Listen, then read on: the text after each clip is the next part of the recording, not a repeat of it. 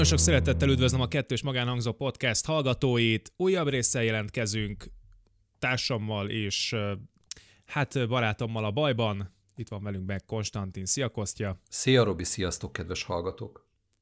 Bár nem biztos, hogy ez a, ez a barátságos jelző, amit itt hát általában pókemberre aggatunk, itt a műsor végére is igaz lesz, hogyha nagyon sok ellentét lesz közöttünk a mai témánk kapcsán, szerinted?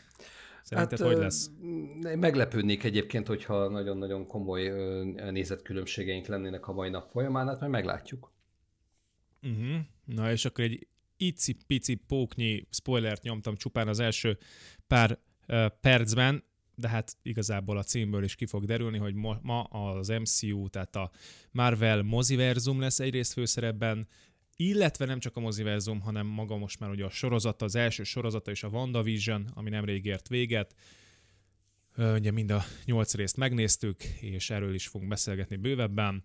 Megnézzük, hogy jelenleg hogy áll az MCU ö, művek, vagy tehát nem, nem csak az a baj ez az MCU-val, hogy most már van sorozatok is, tehát igazából a cinema nem teljesen jó, tehát ezek a, ö, a filmes és sorozatos vonala, hogy áll most a Marvel univerzumnak, pontokat tekintve, tehát rangsorolva, illetve a végén, vége felé ugye beszélni fogunk a, a jövőről, hogy mik várhatók, például egész közel van egy újabb sorozat, aminek már elég sok trélerje előzetese napvilágot látott, és hogy az első, ezek alapján tudunk nyilván csak beszélni a benyomásainkról, hogy mi ezt milyennek látjuk, és végül pedig ugye egészen elmegyünk a jövőbe, egészen 2022-ig vannak bejelentve filmek, sorozatok, amik, amik, amik fixek, utána már azért sokkal képlékenyebb a helyzet, tehát ezeket is ismertetni fogjuk, illetve elmondjuk, hogy mi személyesen melyiket várjuk, vagy melyikeket, melyeket várjuk leginkább.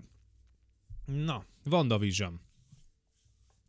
Nyolc részben álló minisorozat, és Vandának a csettintés utáni életébe tekintünk bele ugye, tehát ezt, hát ezt nem tudom mennyire derül ki, számom nyilván azért derül ki, ugye, hiszen tudjuk, hogy a vision aki ugye szintén a másik főszereplője a sorozatnak, őt hát az, az Infinity War-ba elég keményen tacsra teszi Thanos, azzal, hogy ugye a lélekkövet azt elveszi tőle, ami az ő egyik alkotó elemet, tehát azzal, ugye az endgame meg nem is foglalkoznak vele, de még említés szintjén sem, mert mint ugye Visionnel, itt meg, itt meg hát azt látjuk, hogy Vandával együtt bandáznak egy 50-es évekbeli settingben, és egy, egy ilyen 50-es évekbeli sitcom sorozat uh, uh, díszleteit és hangulatát jeleníti meg a WandaVision első része. Mit gondoltál erről, Kostya, amikor először megláttad?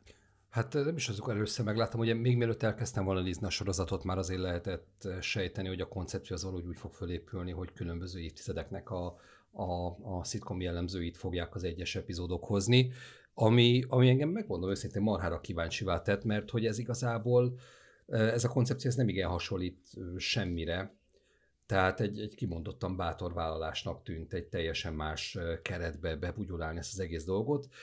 Az meg, hogy a végén ez a dolog valamilyen szinten azért értelmet is tudott nyerni, ez, ez külön pacsit és pluszpontot érde, érdemel. Én, én megmondom őszintén, nagyon szerettem a, a WandaVision sorozatot. Az első két rész, ami, ami, aminél még ugye nem igen lehetett tudni, hogy hova fog ez az egész dolog kifutni, csak, csak láttál egy 50-es, illetve egy 60-as évekbeli szitkom epizódot, az, az engem külön, külön tök jól szórakoztatott. És amit az előbb mondtál, számomra nem volt egyértelmű, hogy ez a, ez a dolog, amiben benne vagyunk, ez mikor játszódik, csetintés után vagyunk, ugye hát mégiscsak ott volt egy, egy vízió, és hát számomra nem volt, nem volt egyértelmű, hogy nem, nem valahol esetleg a csettintés előtt vagyunk, valamiféle álomba vagyunk még a csettintés előtt, vagy a csettintés után valamilyen álomba, tehát nagyon-nagyon képlékeny volt, hogy, hogy mikor játszódik az egész. Aztán persze nem tudom, negyedik, ötödik rész környékén kiderül, hogy, hogy hol vagyunk időbe, de én addig egy picit el voltam veszve, de ez ilyen tök jó, jó leső elveszés volt, én ezt élveztem. És ez ugye majd több csettintés volt, mert ugye egyrészt Thanos csettintett egyszer, amikor eltüntette a félvilágot, csettintett még egyszer, hogy eltüntesse a köveket, utána csettintett Hulk, hogy visszahozzon mindenkit, majd csettintett Tony, hogy, hogy a Thanos seregét és őt magát is porrázúzhassa, ez ugye már az utolsó két csettintés után, tehát a már a mi hőseink csettintései után játszolik, tehát mindenki visszakapott valamit ö, sikerült megmenteni a fél világot, vagy visszahozni az embereket, és ö, ezt csak azért mondom, hogy kronológiailag elhelyezzük ugye ezt a történetet, hogy ez már ugye a következő fázisa, a negyedik fázisa Marvelnek. Itt már tovább építik azokat a karaktereket, akik életben maradtak, vagy akikre láthatólag nagyobb hangsúlyt szeretnének fektetni, és hát Vanda nyilván ilyen karakter, mert előtte bár már a korábbi fázisokban is láthattuk, de ugye sokat nem kapott azért a vászomból, és ott is egy inkább egy ilyen attraktív és hát nem tudom, egy, egy, egy, szintén egy ilyen Marvel kapitányhoz hasonló OP karakter volt, hiszen ő maga is ugye elég keményen megsebezte mondjuk thanos az Endgame-ben, tehát, hogy nagyjából e- ezt a célt szolgált ez a karakter, és építettek egy nagyon kevés hátteret neki, mm, azzal, hogy, hogy, hogy mesélt az Ultron korába, meg ugye elvesztítette ugyanúgy a tesóját az Ultron korába, tehát egy picit kapott belőle, láttuk azt, hogy valami szerelmi szál ki van alakulóban már ott a, a Visionnel, meg beszélnek arról, hogy az elmúlt két évben a polgárháború óta együtt vannak, de az, az kicsit ugye az Infinity War-ba, aki ezt meglátta, hogy úgy én értetlenkedve láttam én is ugye ezt az egészet, hogy olyan, olyan idegennek tűnt, hogy akkor most ez a,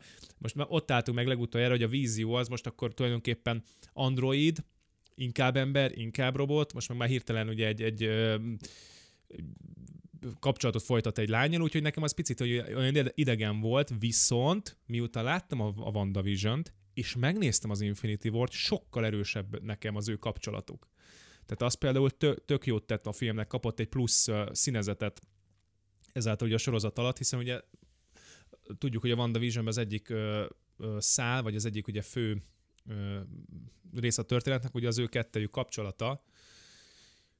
Uh, illetve nem lehet sokáig tudni azt, hogy te is mondtad, hogy akkor hogy, hogy tényleg ez egy milyen világ, álomvilág előtte, utána hol játszódik, mert hogy a, a, a Vision az egy te, teljesen önazonos karakter, kivéve, hogy ő sok tekintetben olyan nincsenek emlékei, de a maga személyisége az, az megvan, tehát hogy de olyan szinten megvan, hogy még konfliktusba is kerül Vandával, annak ellenére, hogy kiderül, hogy az hogy? Hogy kerülsz konfliktusba saját magaddal, ugye?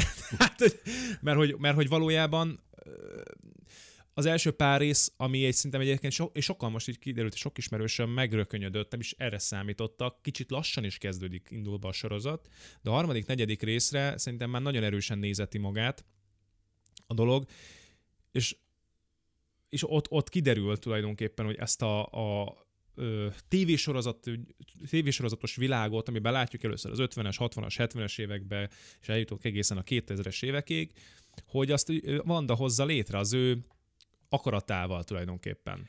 É, lehet, hogy ezt hamarabb kellett volna mondani, tehát a WandaVision-t is, meg a, az említésre kerülő e, MCU filmeket is el, fogunk, el fogjuk spoilerezni.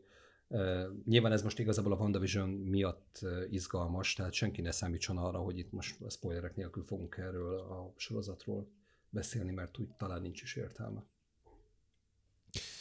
Igen, meg hát ö, most úgy vagyok vele ez az egésszel, hogy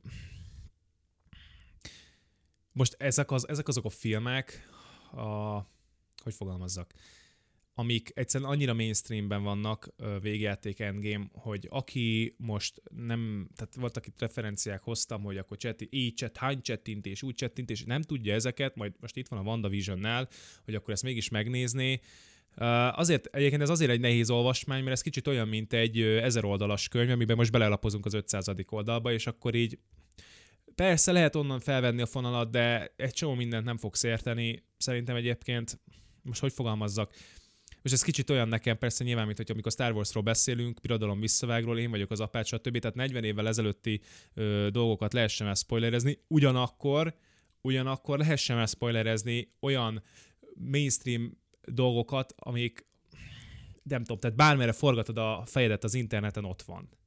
Úgyhogy én, én, én itt ebben az esetben azért nem is figyelmeztettem, és mondjuk más filmeknél meg azért figyelmeztetek, mert lehetséges, hogy azok a filmek ö, persze ugyanúgy játszák a mozik, ugyanúgy ott van a legnagyobb ne, ö, streaming szolgáltatóknál, de mégsem ö, ér el ekkora tömegeket, és azoknak a történeteknek, ö, azoknak a filmeknek pont az a lényege, hogy a, a történet hordoz egy olyan plot twistet, egy olyan töbletet, ami amit hogyha ha mi most elmondanánk, akkor azzal elvennénk az élményből. Szerintem a Marvel filmeknél, sorozatoknál én nem tapasztaltam volna, nem tapasztaltam eddig olyan dolgot, ami az Infinity War, az Infinity War volt az első film, ami meglepett engem, ezt tök komolyan gondolom Kostya, és majd ezért szeretnék egy Martin Scorsese idézetet is ide citálni. Oké, okay, de még egy picit maradjunk a WandaVision-nél. Szerintem egyébként mindenképpen filmtörténeti jelentőség, vagy sorozat történeti jelentőségű maga a WandaVision. Tehát ekkora ordinári nagy trollkodás, mint ami ebben a sorozatban történt, még soha-soha korábban, legalábbis az én, én általam ismert tévésorozatokba, vagy streamingre megjelent sorozatokra nem fordult. Nem tudom, tudod, de mire gondolok az ordinári nagy trollkodásnál? Fingom nincs. Oké. Okay. Na most tudni kell, hogy ugye a, aki az MCU filmeket végignéz, az pontosan tudja, hogy Vandának van egy testvére, Vandának a testvére... Ah, megvan. Oké. Okay. Hát szerintem el, el, el is mondhatjuk, nagyjából arról van szó, hogy Vandának a testvére a higany, hát tulajdonképpen ő, ő, ő higanyszál, Quicksilver, aki a, a, hát nem is tudom, talán a, az Ultronban meg, megjelenik, és rögtön meg is halt, ezt az egy részt éri meg az ő karaktere, viszont azt tudni kell, hogy a, a párhuzamosan futó X-Men sorozatban ugyanez a karakter is szintén létezik, tehát higanyszál föltűnt a, a, az újabb X-Men sorozatokban, egy másik színész által játszva. A, a marha nagy trollkodása a WandaVisionnek az az volt, hogy ezt a karaktert ezt behozta, uh, higanyszálat a WandaVisionbe, ugye meghalt uh, már a, a Vandának a testvére, mikor ez a, a sztori játszódik, és azt a csavart hozták be a készítők, hogy nem az MCU filmekben megismert színésszel, hanem az X-Men sorozatban megismert színésszel játszották el higanyszálat. Ami egy csomó kérdést felvetett a rajongókban. Ugye ezt érdemes tudni, hogy, hogy nagyon nagy elvárások voltak a WandaVision-nel kapcsolatban, mert nagyon sokan feltételezték azt a rajongók között, hogy ez lesz az a sorozat, ami végre össze fogja hozni az MCU világot a Foxnak a, az X-menjével. És, és hát tulajdonképpen e, erre lehetett esetleg utalás az, hogy, hogy az X-Menből hozták át Higanyszáz szerepére a, a megfelelő színészt. Aztán persze kiderült, hogy az egésznek az ég egy a világon semmiféle jelentősége nem volt, és, és egy akkor ordinári gumicsontot dobott a, a Marvel rajongóknak, hogy öröm volt nézni. Én is elcsámcsogtam rajta. Mondjuk nekem szerencsém volt, mert én megvártam, hogy az összes rész kijön, és nem kellett, tudom én, egy két hetet még izgulnom, hogy na akkor most mi lesz, a, mi lesz az új higanyszállal. Úgyhogy nagyon-nagyon jó ötlet volt, és nagyon-nagyon tetszett ez a kis gag, vagy trollkodása a Marvel részéről. Hatalmas volt. Én ugye mennyasszonyommal néztem meg, és neki nagyon tetszett a, az egész sorozat, és a tulajdonképpeni hát egyik csavar, ami, ami, ami, ami ugye az, hogy sokáig látjuk ezt a ö, televíziós szitkom világot a különböző évtizedekből, és nem tudjuk, vannak már egy idő után ö, részenként egyre több és több ö, kikacsintás és uh, hiba rendszerben, hiba mátrixban, amiből rájövünk, hogy ez valami csapda helyzet lesz, csak itt az a kérdés, hogy ezt a csapdát kiállította. Uh, és hát az egyik nagy spoiler, és akkor ez most megint nagy-nagy spoiler, mert úgy gondolom, hogy a sorozatnak talán ez az egyik uh, nagy csavarja, csavarja, amit, amit mondjuk uh, egy átlagosabb, né, vagy, vagy inkább azt mondom, hogy előismeretekkel nem rendelkező karakterről, előismeretekkel nem rendelkező személy, ez, ez, ez, ennek egy, tényleg lehet egy ilyen katarzis élmény, egy nagy meglepődés, és tulajdonképpen Vanda csinálja, őre, ő ejtett fogjul egy egész várost, akinek minden egyes lakóit a saját képzelete szerint rendezett újra, és teremtette meg többek között a semmiből, teremtette újjá víziót, de ennél többet is tett, egy egész családot két fiúgyerekkel teremtett magának, végigvitte mag- egy egész részen keresztül, ugye szólt a szülésről, vagy hogy a, a fogantatest egészen a gyerekszülésig egy rész, uh, hiperülsebességgel ment végig egyébként ezen a folyamaton, de hogy, hogy ő ugye egy családot ö, ö, csinált magának, egy olyan város, egy olyan kertvárosi környezettel, ami ugye hát a 70-es évek amerikai álma, hogy oda költöznek a, a, a külvárosba, vagy hogy mondjam, a, a agglomerációba, és akkor ott boldogan élnek, amíg meg nem halnak. Ö, mert hogy, mert hogy tulajdonképpen, és ez, ez ilyen szempontból uh, ugye kiderült, vagy idő után, és akkor jöttek a Wanda is the villain hashtagek, hogy tulajdonképpen ő volt ennek a sorozatnak a valódi, uh, bár nem mindegy, ez majd később jön, de hogy ő ejtett több száz ember csapdába, és ő csinált egy álomvilágot magának és mindenki másnak is, ami ugye messzebbre vezet, mert eddig azt gondoltuk, azt tudtuk, hogy úgy, úgy közvetlen közelről tud gondolatokat manipulálni, meg tárgyakat mozgatni, de ilyen kiterjedésű erőt még Vandától ugye nem láttunk, és bizony nekem például egy komplet képregényem szól erről, hogy ö, konkrétan egy annyira erős karakter, hogy egy egész bosszúállókat meg tudja fingatni egyedül, ha akarja. És én úgy kicsit úgy éreztem, hogy ezzel a, az egész sorozattal felépíthetnek egy ilyen karaktert belőle. Uh, ahhoz viszont meg nem érzem őt eléggé, uh, tehát ő nem egy instabil, sze, uh, uh, hogy mondjam, nem egy instabil szellem, ő ezt direktbe csinálta meg. Tehát ezt nem azért csinálta, mert a, a képregényben ő konkrétan már az volt, hogy az ereje uralta ő. Tehát annyira megbomlott a sok vesztesség miatt. Például ugye itt is gyakorlatilag ő az, aki nem kapott vissza senkit a hágféle csettintés után. Tehát senkit. Ő, ő minden családtagját elveszítette, víziót, stb. Tehát, hogy tényleg ő az, aki egyedül vesztes maradt az Endgame után, és ezért hozott létre magának egy új családot, de direkt behozta létre, nem azért, mert annyira megbomlott az elméje, hogy az kiszabadult, és tulajdonképpen a tudattalanja kiömlött a, a városra, és nekem sokkal jobban tetszett volna egyébként ez a fajta ö, megoldás, mert az azt jelenteni, hogy, hogy Vanda potenciálisan bármikor egy veszélyforrás lehet a jövőben, mert lehet, hogy alapvetően jó akaratú, ö, csak ugye a tudattalan az, ami, amit ő nem tud kontrollálni, É, itt viszont nem ez történt, ez egy teljesen tudatos dolog volt a részéről, csak figyelmen kívül hagyta, hogy egyébként tök szá, több száz ember ejtett rabul, akik egyébként így a, film, a sorozat ö, részeiben néha-néha ki, szintén kiszólnak a szerepükből, és, és ez főleg ugye vízió lát ilyen munkatársakat, akik segítséget kérnek tőle, stb. Tehát egyébként azt szerintem önmagában, és ez nagyon sokáig ö, ö, azt hisszük, vagy én legalábbis azt hiszem, hogy itt az lesz, hogy a víziónak kell valahogy megküzdeni a Vandával, ami egy sokkal rendhagyóbb ö, végkifejlet lehetett volna, ö, mint ami egyébként lett. Mert nekem a sorozat 90%-a tökre tetszett, ezt, ezt leszámítva, hogy én tudtam ezt a csavar, de például Szabina nem tudta, és ezért neki ez egy tök jó dolog volt, hogy ezt ő így felfedezte. De a vége nekem, nekem egy, egy káosz volt egyébként, de tényleg. Ebben a nagy csavarban ugye az ötlet az az volt, és tehát ahogy nézed a részeket, akkor időnként persze fölmerül az emberben az már az elején, hogy mi van, hogyha Vanda csinálja ezt az egészet.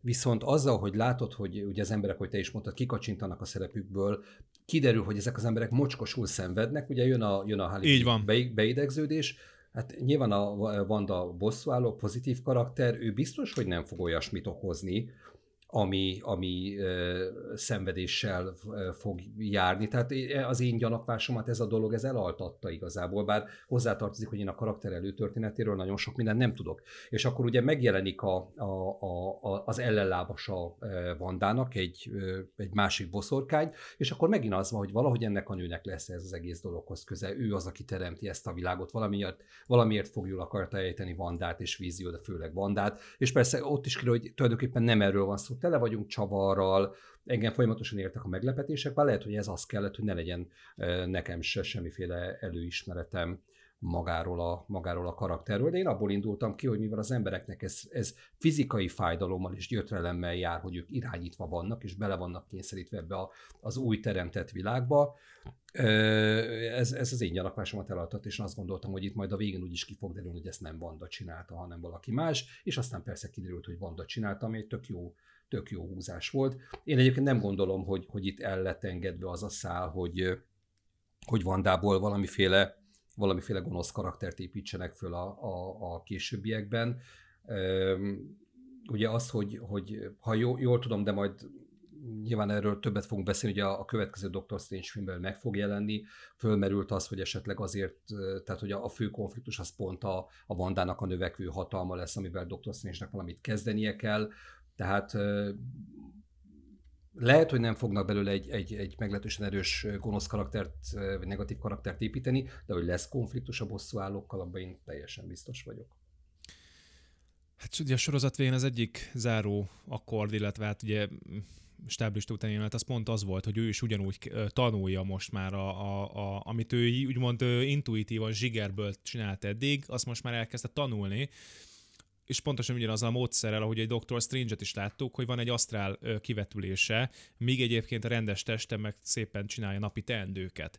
Úgyhogy én pont nem ezt vettem észre, én pont azt vettem észre, hogy ő mostantól akkor igazából ő elkezdett gyúrni. Most ő, neki valaki elmondta, hogy ő igazából egy boszorkány, mert hogy ez a, az egyik, hogy az ellenlábasa végül is, aki megjelent, ugye Agnes, aki hát ő is valami ősi boszorkány volt, a fene tudja, hogy honnan jön, ugranak tényleg egyébként elő folyamatosan ezek a nagyhatalmú lények, na mindegy, és hogy ő tulajdonképpen az egyik képesség az, hogy ő elszívja varázsenergiát, és sokáig azt hihettük, hogy hát a, a Vandának is, de sokáig nem tudott a Vanda emiatt labdába rugni, mert hogy ugye tulajdonképpen bármit is lőtt rá, hát mindent elszívott, és a Vanda csak kékült el a karja, meg kékült el a feje, mert szipkázta ki belőle az életet, meg a varázserőt. Aztán persze nyilván na mindegy, tehát aztán amikor így, így de tudod, mi, mi idegesített a végén, hogy azt hittem, hogy végre lesz egy rendhagyó, mert gondoltam, hogy le, minden Marvel filmbe kell valamilyen, valamilyen végső, végső csata jelenet, valami ilyesmi, tehát ugye ezek is már ilyen uh, úgymond ilyen, ilyen ez, ez, ez, olyan dolgok, amiket nem lehet elkerülni, meg elodázni, de az, hogy most már nem tudom hány éve zajlik ez az egész MCU, MC, tehát Marvelezés, és hogy még mindig nem voltak képesek néhány kivétellel, és ez a néhány kivétel a Thanos és a, és a Zemo báró, nem voltak képesek normális villeneket csinálni, én egyszerűen ezzel nem tudok mit kezdeni. Tehát a, megint megcsináltak egy tökéletes de megint varázslónő a varázslónővel kell leszámoljon. A, a valódi víziónak a holttestéből újra összerakták, összeraktak egy vízió 2.0-át, csak kevesebb öntudattal, több ö, ö, ilyen hogy tehát az egy, az egy igazi rabszolgarobot volt, úgymond, tehát aki csak úgy összeraktak a maradékból, ö, és akkor neki meg nyilván a, a, a azzal a vízióval kellett megküzdeni, akit meg ugye eredetileg ismertünk, és egy itt, itt, itt mindenkinek a tükörképével kell megküzdeni, és én értem, az első tíz filmben értem, meg kell küzdeni, mert ez a szimbolikája, hogy a sötét oldaladdal meg kell, és le kell számolni a sötét oldaladdal. De hogy most már a 32. filmbe, per sorozatba is ugyanezt, tehát ez egyszerűen, ezt nem tudom elhinni komolyan és ez ideges a legjobban, mert oké, okay, persze,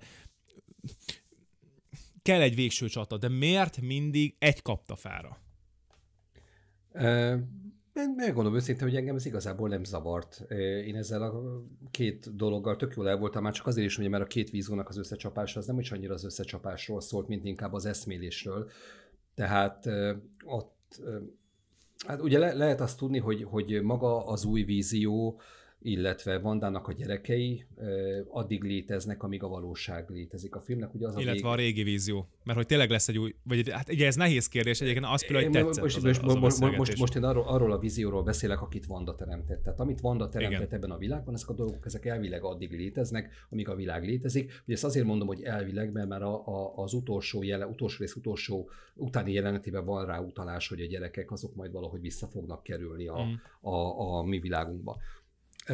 De ugye ott föltűnt egy másik vízió, amit te, mondtál, hogy a, a, ugye ő volt a fehér vízió, akit, akit a, a halott vízió testéből raktak össze. Én arra gondoltam, hogy ugye egy pillanatban ő visszakapja az emlékeit, ugye a, a Vanda által teremtett vízió segít neki az emlékeihez újra hozzáférni, és én arra gondoltam, hogy ez lehetett az a momentum, vagy ennek kéne lenni annak a momentumnak, amit tulajdonképpen az eredeti víziót vissza fogja hozni, tehát lesz egy lélekkő nélküli vízió, aki ugyanakkor bír ugyanazokkal az emlékekkel, már pedig, hogyha ugyanazokkal az emlékekkel bír, akkor ugyanaz kéne, hogy legyen a viszonyulása mondjuk Vandához.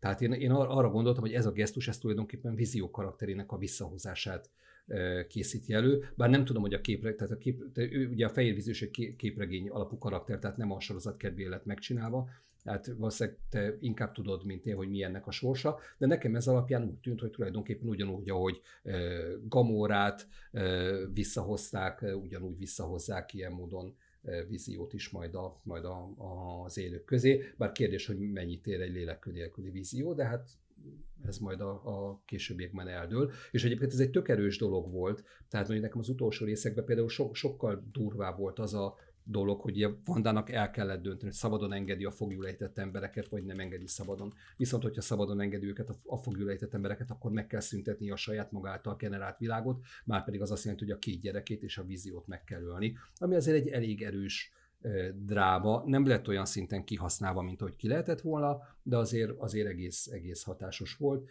Én kicsit sajnálom, hogy a gyerekek vissza fognak jönni, valószínűleg, de, de hát kíváncsian várom a, a továbbiakat.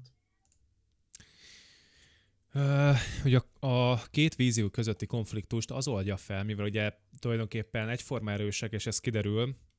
Uh, rájön a, az általunk, tehát, nem a, tehát most úgy fogom hívni őket, hogy fehér vízió, hogy te hívtad meg vízió. Oké, okay? tehát ez a két vízió van, és akkor a vízió megérinti a fehér víziónak a, a fejét, azon is van egy valamiféle központ, egy chip, már nem a, a lélekkő, hanem csak az már tényleg teljesen mechani- robotikus, és akkor ott, ahogy te is mondtad, megkapja az emlékeket. De előtte feltesz neki ugye egy kérdést, mert hogy azt mondja a fehér vízió, hogy neki az, a, az arra van beprogramozva, hogy a víziót megsemmisítse. Egyébként ez önmagában egy, egy büdös nagy, mocskos nagy ostobaság volt, mert miért, ha tudják már, mert hogy tudják ugye a Sword, a kard, vagy nem tudom mi az már a Shield helyetti szervezet, hogy a Vanda csinálja az egészet, akkor miért a víziót akarja megsemmisíteni a vízió, ami, ami, ami egy, egy, egy, tulajdonképpen egy kivetülés, tehát ez, ez is önmagában egyébként, tehát ez is tudod, úristen, hogy gondolkodunk, ú, mi vajon, mi, vajon mi legyen? A fő objektumot, vagy inkább a nem tudom, a mellékobjektumot iktassuk ki, tehát tényleg ez is, fú, na mindegy. És, és azzal a mondattal ö, fagyasztja le a, nem tudom, a processzorát ennek a mesterséges fe, ö, intelligenciának, ennek a fehér víziónak, hogy hallottál már a The Ship of Theseusról, ami ugye nagyjából azt jelenti, hogy ö, fú, egy elég ilyen egy metafizikus, meg egy elég ilyen paradox ö, jelentése van, tehát hogy valami olyasmi, hogy ö, ami önmagával azonos és ellentétes. Tehát valami... Hát, uh, mondjuk el a konkrét hajó példázatot, és akkor az lehet, hogy inkább segít a megértés, mert ugye arról van szó, hogy van egy hajónk, aminek korhadnak kell folyamatosan a deszkái, és kicseréljük ezeket a deszkákat, és eljutunk abba a, abba a helyzetbe, abba a pillanatba, hogy minden egyes deszkát kicseréltük, akkor ez ugyanaz a hajó. Vagy hogyha a, a, a leszerelt deszkákból fölépítünk egy másik hajót, akkor ez ugyanaz a hajó lesz, mint az eredeti hajó, és a válasz mind a két esetben az, hogy nem, egyik se lesz ugyanaz a hajó, és akkor itt derül ki az, hogy hogy hát tulajdonképpen egyik vízió se tekinthető víziónak, tehát az az utasítás, hogy öld meg a víziót, az innentől kezdve egy értelmetlen dolog, hiszen nem az a vízió, az a kivetülés, az, akit neki meg kell ölni, az, akit meg kéne ölni, vagy meg kéne támadni, az már nem létezik. Az a vízió. Valami ilyesmiről volt szó. Igen, igen, és ezután, uh, ahogy te is mondtad, uh, átadja az emlékeket, és akkor elrepül, és akkor kiszállt ebből az egészből, ebből a sztoriból, és uh, Vanda meg úgy gyűri le, a Vanda is legyűri az Ágneszt valahogy, de most ez igazából lényegtelen, hogy, hogy meg kell nézni, és akkor kiderül. És tényleg még azt lehet mondani, hogy az tényleg egy szív, szívszorító jelenet volt a végén, hogy neki el kellett engednie tulajdonképpen a, a, a, a családját, amit ugye létrehozott. Ö, és látod, és tényleg nagyon az utolsó részben ez az utolsó pár jelenet, amikor már így szűkül, szűkül a kör, és akkor lefektetik a gyerekeket, ők is elbúcsúznak egymástól, tehát ez tényleg egy, könyvfacsaró jelenet volt, úgyhogy összességében szerintem egyébként egy jól sikerült uh, sorozatról beszélünk, tehát, egy, tehát ez egyáltalán nem egy ilyen bugdácsolós, és egy uh, ez egy, ez egy közönség siker, tehát látszik most is IMDb 8,2-es uh, ratingen van, és úgy, hogy vállalt némi kockázatot a Marvel ezzel a, vállalt, ezzel a, a felépítéssel, amit, amit, amit én nagyon nagyra értékelek. A, amiről érdemes lehet még szót ejteni, az az, hogy ugye két világunk van, van egy, egy Vanda világ, és van, van egy Vandán kívüli világ, és ez a két világ, ez, ez hát ugye a Vandán kívüli világ veszi a, a tévéadásokat, amiket mi ugye az első két-három részben úgy nézünk, hogy nem tudjuk, hogy igazából mi ez. E, engem az a rész egyébként nagyon szórakoztatott. Itt visszajön az az FBI ügynök, aki a, a hangya és a darásban a, a, a hangját felügyelte, nagyon vicces volt, én itt is szerettem. Megjelenik a, a Natalie Portman, Portmannek a a kolléganője. A kolléganője, asszisztense, hát mire ideje jutunk, ugye kiderült, hogy már azért a doktoriát is megcsinálta, ő is nagyon vicces volt. Úgy általában nekem azok a dolgok, amik a Vanda világon kívül történtek, azok nagyon tetszettek, és akkor is kezd egyébként begyorsulni a, a, a történet, amikor, amikor meglátjuk, hogy létezik egy Vanda világon kívüli világ, és hogy, hogy kiderül, hogy milyen kapcsolat van a kettő között. És tökéletes volt látni azt, hogy most kiderült, hogy, hogy kaptunk egy kis izelítőt abból, hogy amikor, amikor a, a, a hák visszacsettintette a, a, az emberiségnek a felét, az hogyan történt, és milyen fejetlenséget okozott. Néhány másodperc csak az egész, de, de nekem az is, az is marhára tetszett. Igen, hát ez a, ez a sorozatnak mondjuk a, a jobb, jobb része egyértelműen. Nekem a kinti világ egyébként sokáig nagyon nem tetszett, tehát őszintén szóval nekem ezek a comic relief karakterek, nekem már a ször feláll a hátamon tőle. Ó, igen, ezzel meg lehet, meg lehet vásárolni, könnyen. Uh, és egyébként sajnos, sajnos azt látom, és erről beszélni fogok a későbbiekben, hogy megint ugye hát folytatja, per elindul újra azon az úton az MCU, hogy gonosz, középkorú fehér férfiak összesküdnek a színesbőrű fiatal nők ellen, stb. Tehát, hogy vagy, vagy lehet persze férfi is jó, de akkor annak is biztosan más raszba kell tartoznia, mert hogy hát ugye megint ugye ez a háromszög állt fel.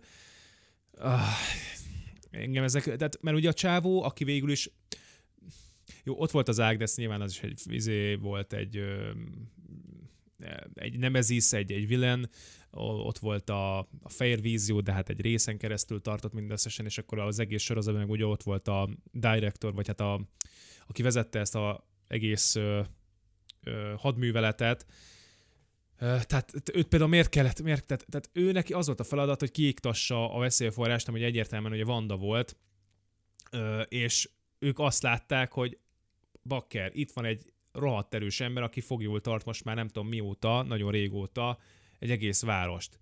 És ő agresszívan lépett fel, és akkor itt, itt, itt tehát én abszolút megértettem, hogy egy katonának kell így kell viselkedni és gondolkodnia, nem? És akkor ehhez képest meg nem tudom, ő volt a, a büdös köcsög. Tehát, hogy nem tudom, hogy ezek a, ezek Annak a reflexek, mi, ezek mérjenek. Mi Igen? értelme volt elhitetni a környezetével, hogy a Vanda ellopta a víziónak a holtestét? Nem tudom, hogy mi értelme volt egyébként ennek. Az, egyébként te rájöttél, miért? Hát nem, nem, nem, ez, ez, egy, ez egy valós kérdés. Hát van egy tippem, hogy mit tudom én, hogy, hogy, hogy az, hogy ő, ő tette rá a kezét erre a holttestre, vagy hogy csinálnak belőle valami mást, ez esetleg el legyen fedve ezzel, és hogy ezzel el tudja tüntetni a holttestet, hogy bandára kenni az egész dolgot, de ez egy picit olyan gyenge lábakon álló érvelésnek tűnik, de hát nem, nem tudom, ez ilyen furi, furi volt egy kicsit. Na mindegy. Hát, még egy, Egyetlen egy dolgot szeretnék még ehhez a dologhoz hozzátenni. Én hallgattam egy podcastet, amiben volt WandaVision kibeszélő, ez a podcast volt egyébként, akik a, a hatodik rész megnézése után beszéltek a sorozatról. Ugye nyilván nem tudták, hogy ez egész hova fut ki, tehát volt benne egy marha nagy találgatás. És ment, a, ment az okoskodása, ugye a hatodik résznél még nem lehetett tudni, hogy miért pont ezek a, a szitkom világok jelennek meg a, a WandaVisionben és ott mondta az egyik podcast házigazda, hogy, hogy ő hallott egy olyan teóriát, hogy vannak azok, a, az, azok az emberek, akik képkockáról képkockára néznek mindent, és próbálnak eldugott jeleket, meg, meg egyéb dolgokat keresni, és ők mondták azt, hogy van egy ilyen teória, hogy akkor, amikor ugye az első részben van egy naptár, ahol be van jelölve, hogy a víziónak a főnöke mikor fog a vandáékhoz menni vacsorára akkor azon a naptáron van egy kép, és ez a kép, ez a kicsi Vandát ábrázolja, mint éppen ilyen, nem tudom, 50-es, 60-as évekbeli szitkomot néz. És hogy ebből arra következtettek, hogy tulajdonképpen a, a Vanda az a saját gyerekkorának a, a, az ikletésére hozza létre ezeket a világokat, ami persze végén bebizonyosodik, hogy így van, és külön részben beszélnek arról, hogy igen, a családjával ilyeneket nézett, és hogy mit tudom én, ezt ott szerette, de ugye tök érdekes volt, hogy már hogy, hogy, hogy, hogy, hogy ilyenekre odafigyelnek, hogy, hogy akkor a naptáról legyen ott egy kép a, a gyerekkori gyerekmondáról, amikor éppen szitkomokat néz. És vannak olyanok, akik ezeket kiszúrják, és ebből jó következtetéseket tudnak levonni, úgyhogy nekem meg ez is ez is tetszett. Azt te értetted, hogy volt egy visszaemlékezés, amikor ugye először találkozott a, a lélekkővel talán, mert, Ö, ugye, mert ugye a lélekkőtől kapták az erejüket, ugye így, így, így ért véget az egyik Marvel film, ennek a stáblistás jelenete, akkor mutatták be először őket. És ugye az Age of Ultronban is erről valamilyen szinten szó volt. Tehát, és most kiderült, hogy hát nem. Tehát az Agnes is kimondja, hogy tulajdonképpen Vanda mentette meg őket akkor gyerekként attól a rakétától. Uh-huh. Tehát miatta nem robbant fel. Tehát ez, ez egy ilyen tehát az, hogy neki már akkor is volt ereje, most nem tudjuk, hogy a tesójának egyébként volt-e, lehet, hogy ő tényleg a lélekkőtől kapta az erejét, ez, ez most így nem derült ki ebből a sorozatból számomra, de most neked, de most neked tehát, ö, annak a jelenetnek mi értelme volt, hogy saját magát látta Vanda? Ugye ez is utána, megint, ahogy te is mondtál, hogy eszembe jutott el a képkockára, a képkockára nézünk filmeket, hogy van, aki leállította azt, amikor ő elájul, mielőtt elájulna, ugye ebben a titkos hidra laboratóriumban vannak, nagy fény, megállította, és a kontrasztot addig húzta, amíg ugye ki nem jött, hogy az vagy Vanda, tulajdonképpen Vanda saját magát látja. Tehát azt te értetted, azt a, ez mire akartak utalni ezzel? Mert hogyha Ö, nem, ne, nekem egyébként az volt a koncepcióm, hogy, hogy, hogy Vanda is és a testvér is alapvetően képességekkel bíró emberek, csak Vanda képességei azok föl lettek húzva a lélekkővel, vagy a lélekkő által és, és ő azért nem halt bele abban, amiben az összes előtte, mert ugye elhangzik, hogy kísérletezik a hidra emberekkel, meg a lélekkővel, mindig, mindig mindenki meghal, és akkor van az, aki nem hal meg. Hát ő a képessége miatt nem hal meg, és a képessége az, ami ezt föl nagyítja. Tehát ugye Vanda és a testvére, ők eleve X-menek, tehát tulajdonképpen mutánsok kell, hogy legyen képességük a lélekkötől mm-hmm. függetlenül.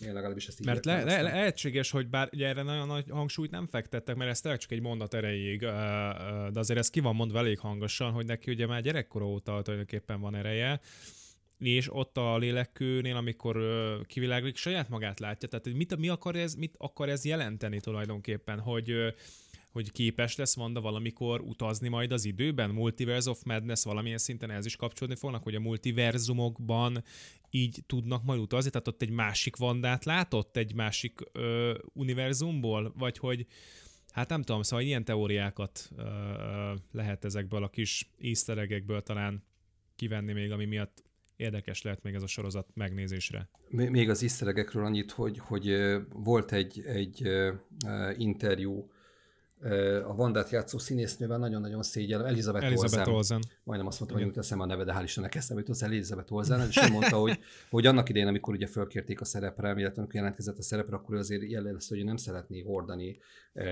a, a skalát boszorkánynak azt a borzalmas jelmezét, és nem is kellett a, a Marvel filmekben végül is tök jól megoldották a jelmezt, eléggé béna, bénán néz ki a skalát, skalát boszorkány a, a képregényekbe, viszont azért a készítők most nem hagyták azt ki, hogy az egyik ilyen Halloween-i ja, Halloween epizódba azért csak ráadták azt a hozzámos kosztümöt. Nagyon-nagyon nagyon, nagyon vicces volt, és nagyon szerettem. Tehát ugye összességében nekem tetszett a WandaVision, nagyon-nagyon nagyra értékelem a Marvelnak a bátorságát, hogy egy picit más tudott nyújtani, és egyébként én, én attól féltem, ugye nekem a kisebbik lányom nagy Marvel rajongó, de, de ő is élvezte és értékelte itt az első három részt is, amikor még nem nagyon lehetett látni, hogy hova fut, egyszerűen csak csetlettek, botlottak a, a, a karakterek, és, és tök jól megidézték ezeket a korokat, nekem tetszett. Ez a mém, hogy most eszembe jutott, hogy mondtad, hogy hogy jó volt, hogy mertek innoválni, mertek más csinálni, és akkor ez a mém, hogy yes, but actually no. Tehát, hogy inkább az történt, hogy az első felében ez igaz, amit mondasz, a második felére pedig abszolút visszatértek a kaptafához, és úgy vagyok vele, hogy mivel ez egy sorozat, részenként fél órás, tehát nem 20 perc, mondjuk az a rövid, egy óra meg már mondjuk a sorozatok tekintetében a hosszúnak tekinthető, tehát ez egy közepes hosszúságú sorozatban, vagy részenként közepes hosszúságban az, hogy meg kellett, meg, tehát igazából ez a, a sorozat formátum, ebből is látszik, hogy amire a film nem képes, arra a sorozat képes, hogy van idő arra, hogy kipróbáljunk jó dolgokat. Uh-huh. Tehát amikor oda ment, gondolom, a forgatókönyvíró, és elmagyarázta, hogy gyerekek, semmi gond, lesz, lesz, megküzdenek majd a rossz színjükkel, nyugi, ahogy eddig mindig, meg lesz, de cserébe csináljuk már meg ezt is, létszi, ha már van rá időnk. Úgyhogy én is azt mondom, hogy ez egy jó kezdés volt, de amit én ennél jobban vár, ö, várok,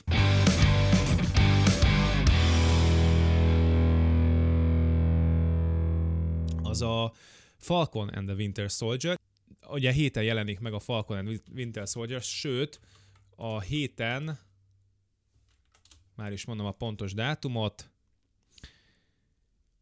és nyilván nem dobja ki azonnal a, a Google, úgyhogy most bajba vagyok. First episode date március 19, tehát pénteken a Disney Plus-on nézhető lesz. Hát vagy van egy nagyon jó VPN-etek, vagy meg kell oldani okosba, de hétvégén már azért, aki akarja, meg tudja ezt nézni. És ezt azért várom nagyon, mert nekem visszatér a kedvenc, egyik kedvenc villenem, a Zemo Báró, akit most fog, mostantól fognak Zemo Bárónak hívni, előtte nem így hívták, aki hát képes volt arra, hogy szétzilálja az Avengersnek a moráját, és ez azért volt nagyon jó, mert egy kicsit más megközelítés volt a korábbi, úgymond főgonoszok, nagyon uh, egysíkúak voltak, hatalmat, pénzt akartak, tehát minden olyan dolgot, amit, ah, oké, okay, ne fárasztatok, tehát most tényleg, és ő volt először az, aki úgy akart bosszút, hogy jogosnak éreztem, amit ő mond, és a, amit el akar érni, ö, egy egyszerű, átlagos emberként ezt uh, ennél jobban kivitelezni talán nem is lehetett volna, és nem azt akarta feltétlenül, hogy itt, itt, itt persze volt egy ilyen terve, hogy majd vagy Kapi, vagy a vasember a végén megölik egymást, hogy a legjobb, ha mindkettő, de az volt a cél, hogy ezt a csapatot egyszer és mindenkorra a morájában ö, szétzúzza. És ez egyébként, hogy az Infinity War-ban már az Avengersnek csak a maradékával küzdött folyamatosan Thanos, tehát mindig csak egy maradékkal, nem pedig az egész csapattal találta szembe magát, az főleg Zemo Bárónak köszönhető, hiszen addigra sem sikerült ugye egyesülni a csapatnak. Úgyhogy ő visszatér ugye a Falcon és Winter Soldier-be, mint ö, megint csak mint főgonosz. Nagyon kíváncsi vagyok, hogy milyen tartalommal töltik meg újra a karaktert, hiszen ő ugye öngyilkos akart lenni, amit a fekete párduc akadályozott meg. És az is nagyon fantasztikus, hogy, hogy azért akart, mert ő elvégezte a melót. Kész, neki nincs tovább, nem akar tovább élni, mert ő már mindent elveszített, ő csak bosszút akart állni, majd véget is. És most nagyon kíváncsi leszek, e, e, ez nekem egy nagyon sarkalatos pont lesz, hogy a Falcon és Winter Soldier-be ne csak azt lássam majd, hogy a két főhős egymással comic reliefkedik, meg vicceskedik, hanem azt akarom látni, hogy ugyanazt a karaktert megint meg tudják tölteni tartalommal. Én félek egy picit ettől a sorozattól, mert tudom, hogy te bizakodóbb vagy nálam ezzel kapcsolatban, nekem azért vannak komoly félelmeim.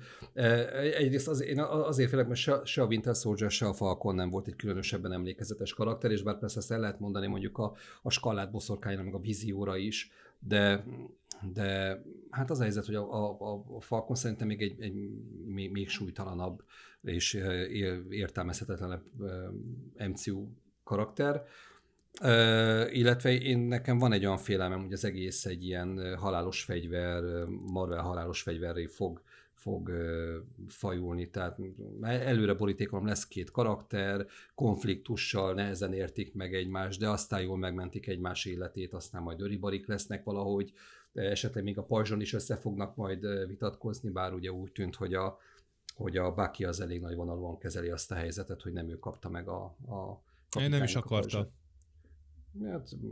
Okay. Ezt, ezt, ezt ezok akarják, akik, akik sippelik mondjuk, a, vagy, vagy kedvelik a, a Bucky karakterét. Egy, egy teljes, teljesen logikus, nekem egy ö, nálunk ezerszer nagyobb Marvel rajongó ismerős mondta, hogy teljesen logikus döntés volt ez a kapitol, mert a, a, a Bucky az ö, gyakorlatilag most ő egy redemption lesz majd ebben a sorozatban. Tehát neki még azzal, hogy az Endgame-be, meg a Infinity War-ba segítkezett, ez csak az induló kártya volt. Tehát ő neki azért egy évtizedes assassin múltja van, egy bérgyilkos múltja van, tudják, hogy milyen embereket ölt meg, például hogy a Stark családot, stb. stb. Tehát, hogy egy, ö, még mindig egy úgymond egy bűnözős, sőt, nem csak egy átlagos bűnöző, hát ő, ő egy gyilkos volt, és most akkor most hogy jaj, de tudjuk, hogy őt manipulálták, meg ilyenek, oké, hát a világ kormányait, azt tudjuk, hogy ezek mennyire érdeklik, illetve hát, hogy a Marvel világában lévő ö, kormányok. Na mindegy, és a lényeg, hogy neki valószínűleg ez a sorozat lesz az egyik redemptionje, a, viszont ugye a maga a Falcon,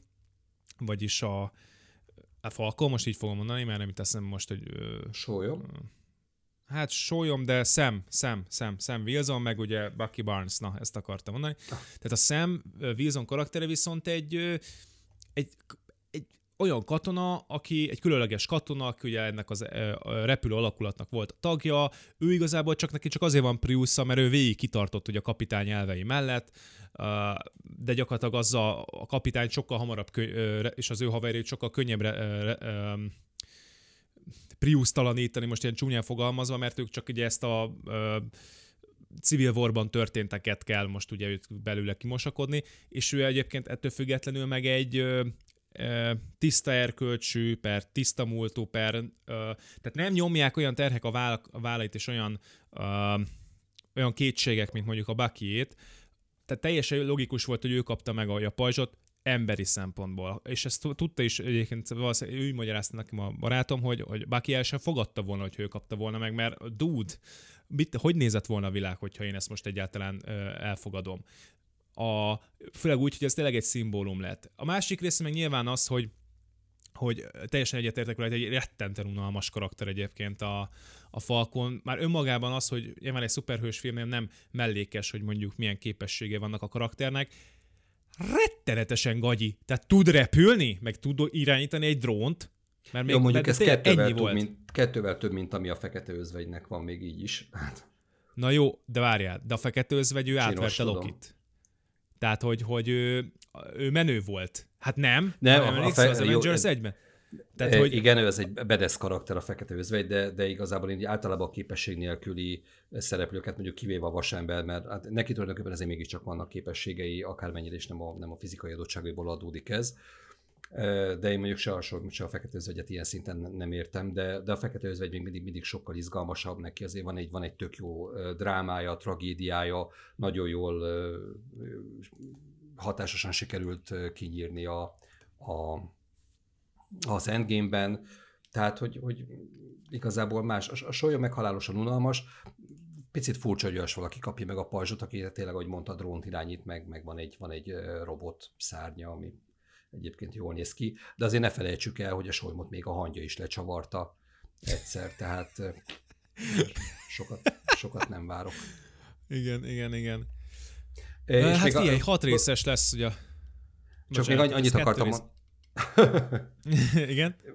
Csak annyit akartam még mondani, hogy a, a, amennyire én tudom a képregény univerzumban a Falcon és a télkatonája is volt Amerika kapitány pótlék, tehát hogy mind, mind a kettőre megvan a képregények világában a példa. Igen.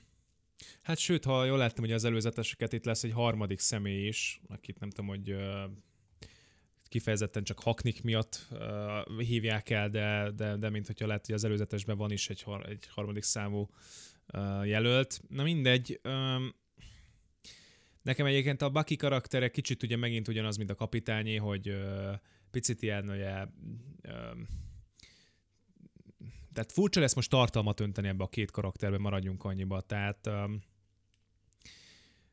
Ugyanakkor hogy a trélerekből ugye előjön az is, hogy uh, megkapja ugye a pajzsot uh, szem, és hogy nem tud mit kezdeni tulajdonképpen ezzel a hagyatékkal, tehát azt érzi, hogy nem tud ehhez a dolgokhoz felnőni.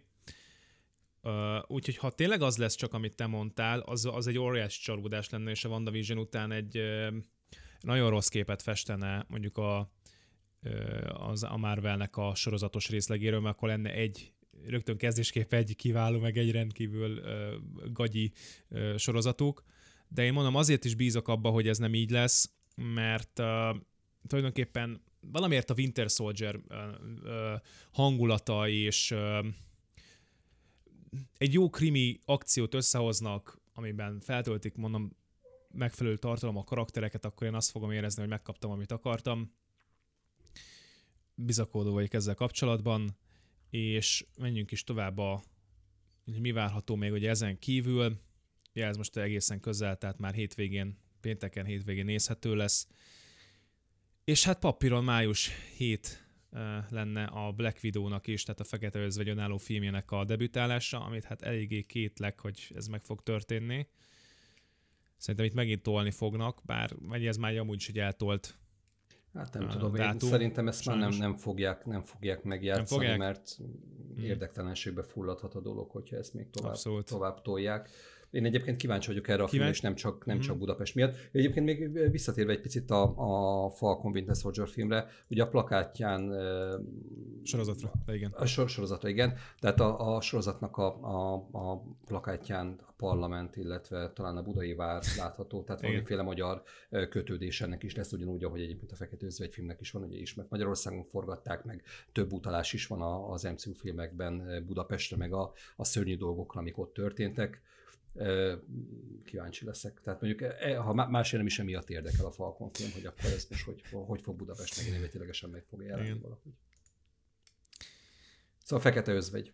Szóval Fekete Özvegy, szerinted, és ugye ez a negyedik fázisba fog tar- tartozni. Tehát hogy tud, hogy tud hozzáadni a kontinuitás, korábban is volt, hogy nem volt a kontinuitás tartva. Tehát a, egészen ugye Amerika kapitány is ugye 40-es években játszódik, a a Captain Marvel is a 90-es években játszódik. Tehát ugye azért ők ezt felszokták borítani ezt a kontinuitást, amivel önmagában nincs is baj, csak itt pontosan tudjuk, hogy egy olyan karakterről beszélünk, hogy soha többé nem fogunk látni, a története nem nem vagyunk benne biztosak, hogy most vissza fog, hogy ez a negyedik fázishoz tud adni bármit is. Tehát ha csak ebből a szempontból nézek, és nem úgy, hogy érdekel, mint karakter, akkor lehet, hogy ez egy, egy, egy ilyen teljesen felesleges mű lesz, nem? Ez benne van a pakliba, de én Scarlett Johansson mindig szívesen nézem, úgyhogy ha másért nem, azért biztos, hogy jó lesz, meg, meg David Harbour is ott lesz. Én azért arra számítok, hogy egy ilyen jó, jó, jó kis néha röhögős akciófilm kerekedik belőle. Tehát ez nagy elvárásaim a feketőzve egy filmmel kapcsolatban nincsenek, de, de hát ez egy Marvel film, tehát amúgy sincsenek igazából nagy elvárások szerintem. Uh-huh. Tehát nem, nem, nem a mély lélektani drámát várjuk el ezektől a filmektől. A, állítólag annyiban fog kapcsolódni a, az MCU-hoz, hogy voltak az Age of Ultronban flashbackjei, ugye Black Widow-nak, ahogy balettoznak, nem tudom, megvan ez a jelenet, uh-huh. akkor ugye nagyon nehezen volt beleilleszthető, hogy ez most itt mi a, mi a fene, meg hogy kerül ez ide. Hát most végre választ kapunk erre. Tehát ez is annyira jó, hogyha ezt egyébként, ezt a filmet simán el tudtam volna képzelni egy Infinity War előtt, vagy bármi. Uh, de hát úgy tűnik, hogy egyébként ez, a, ez az MCU-nak eddig, eddig jellemző volt, hogy nem nagyon bízott abba, hogy a női főhősökkel tudnak kaszálni, és egyébként ebben az egyben megverte őket a DC, és ők készítették az első női főhőssel a szuper, egy szuperhős filmet, aminek ugye hát, ö, osztatlan sikert aratott úgymond az első rész, a második már kevésbé. Én és arra fel csinálták meg a kettőn. meg a második részét a, a Wonder Woman-nek, 15 perc után nagyszerűt aludtam rajta, de a gyerekem se élvezte, pedig az minden szart szokott szeretni, de, de a Wonder woman ő se tudta megnézni. Annak ellenére, hogy Gal Gadot egyébként egy tök jó választás Wonder woman de maga a film az nem volt jó. Szerintem egyébként az első se volt igazán jó film, de valahogy ott még a, a hangulat meg az úgy elvitte a, a dolgot, tehát a másodikhoz ez már kevés volt. De mindegy, nem a DC-ről beszélgetünk. Igen. Tehát Black Video májusban, május elején, közepén, majd aztán a Loki sorozat június 11-én. Na, az már inkább érdekel. Ugye, igen, ugye gyakorlatilag ugye Loki-ról most azért lehet megint sorozatot csinálni, vagy lehet, hát nem megint, hanem lehet újra behozni a Marvel érába, ha bár az Infinity War elején ugye Thanos elég brutálisan Igen. Kivégezte, amúgy meglepett, na például ezért, ezért is volt jó az Infinity War, mert ott, ott, ott olyan dolgokat csináltak, hogy én azt nem hittem el, hogy egy Marvel filmet nézek. Tehát alapból ez a gyilkosság az elején majd úgy, úgy ér véget, hogy a gonosz nyer, a úgynevezett gonosz, tehát Thanos, tehát azért tényleg egy rendhagyó, rendhagyó Marvel film volt az Infinity War, és viszont az Endgame-ben meg ugye az időutazgatások, vagy hát inkább csak a, a visszaút, vagy az, hát most akkor oké, ne nevezzük időutazásnak, de nem tudom, minek kéne nevezni, de a lényeg az, hogy ott Loki e, tulajdonképpen e, vissza, na mindegy, visszautaznak abba a időségbe, hogy megszerezzék a köveket, amikor ugye mind a három kő New Yorkba volt, és és az első bosszúállók ugye utáni jeleneteket láthatjuk, ahogy így el, elviszik Lokit, meg akkor nem tudom, ott mit csinálnak, és akkor elveszítik végül a teszerektot, és Loki újra le, tud, le tudja nyúlni, újra le tud lépni, úgyhogy ő most egy párhuzamos univerzumban létezik, és és lokiskodni fog. Kérdés, hogy lesz-e kapcsolata annak az univerzumnak a, az általunk fő univerzumként ismert univerzummal. Hát kíváncsi leszek egyébként, szerintem tök jó, hogy Lokit nem kótya vetélték el, mert, mert, mert egy kimondottan üdítő karakter. Igen, igen, és egyébként mondjuk az Infinity War-ban az a, az a fajta, ezt pont tegnap előtt néztük, és van, van egy, egy igazi fangör, ugye a családban a Loki fangör, Szabinának hívják, és mondta, hogy de hát az, hogy ő itt most izé megpróbálja egy késsel leszúrni Thanos-t, ez annyira nem Loki. De tényleg, abban igaza van, hogy ez valószínűleg inkább az lett volna Loki, hogy miután ráúszítja hákot Thanosra, még megpróbálja magát kidumálni, és ugyanúgy folytatja azt, hogy de ettől függetlenül én nagyon jó kalauz lennék a földön. Tehát, hogy az Loki is lett volna, de ez, hogy itt megpróbálja még itt sunyiba leszúrni, tehát ez annyi, na, mindegy, de megyünk tovább.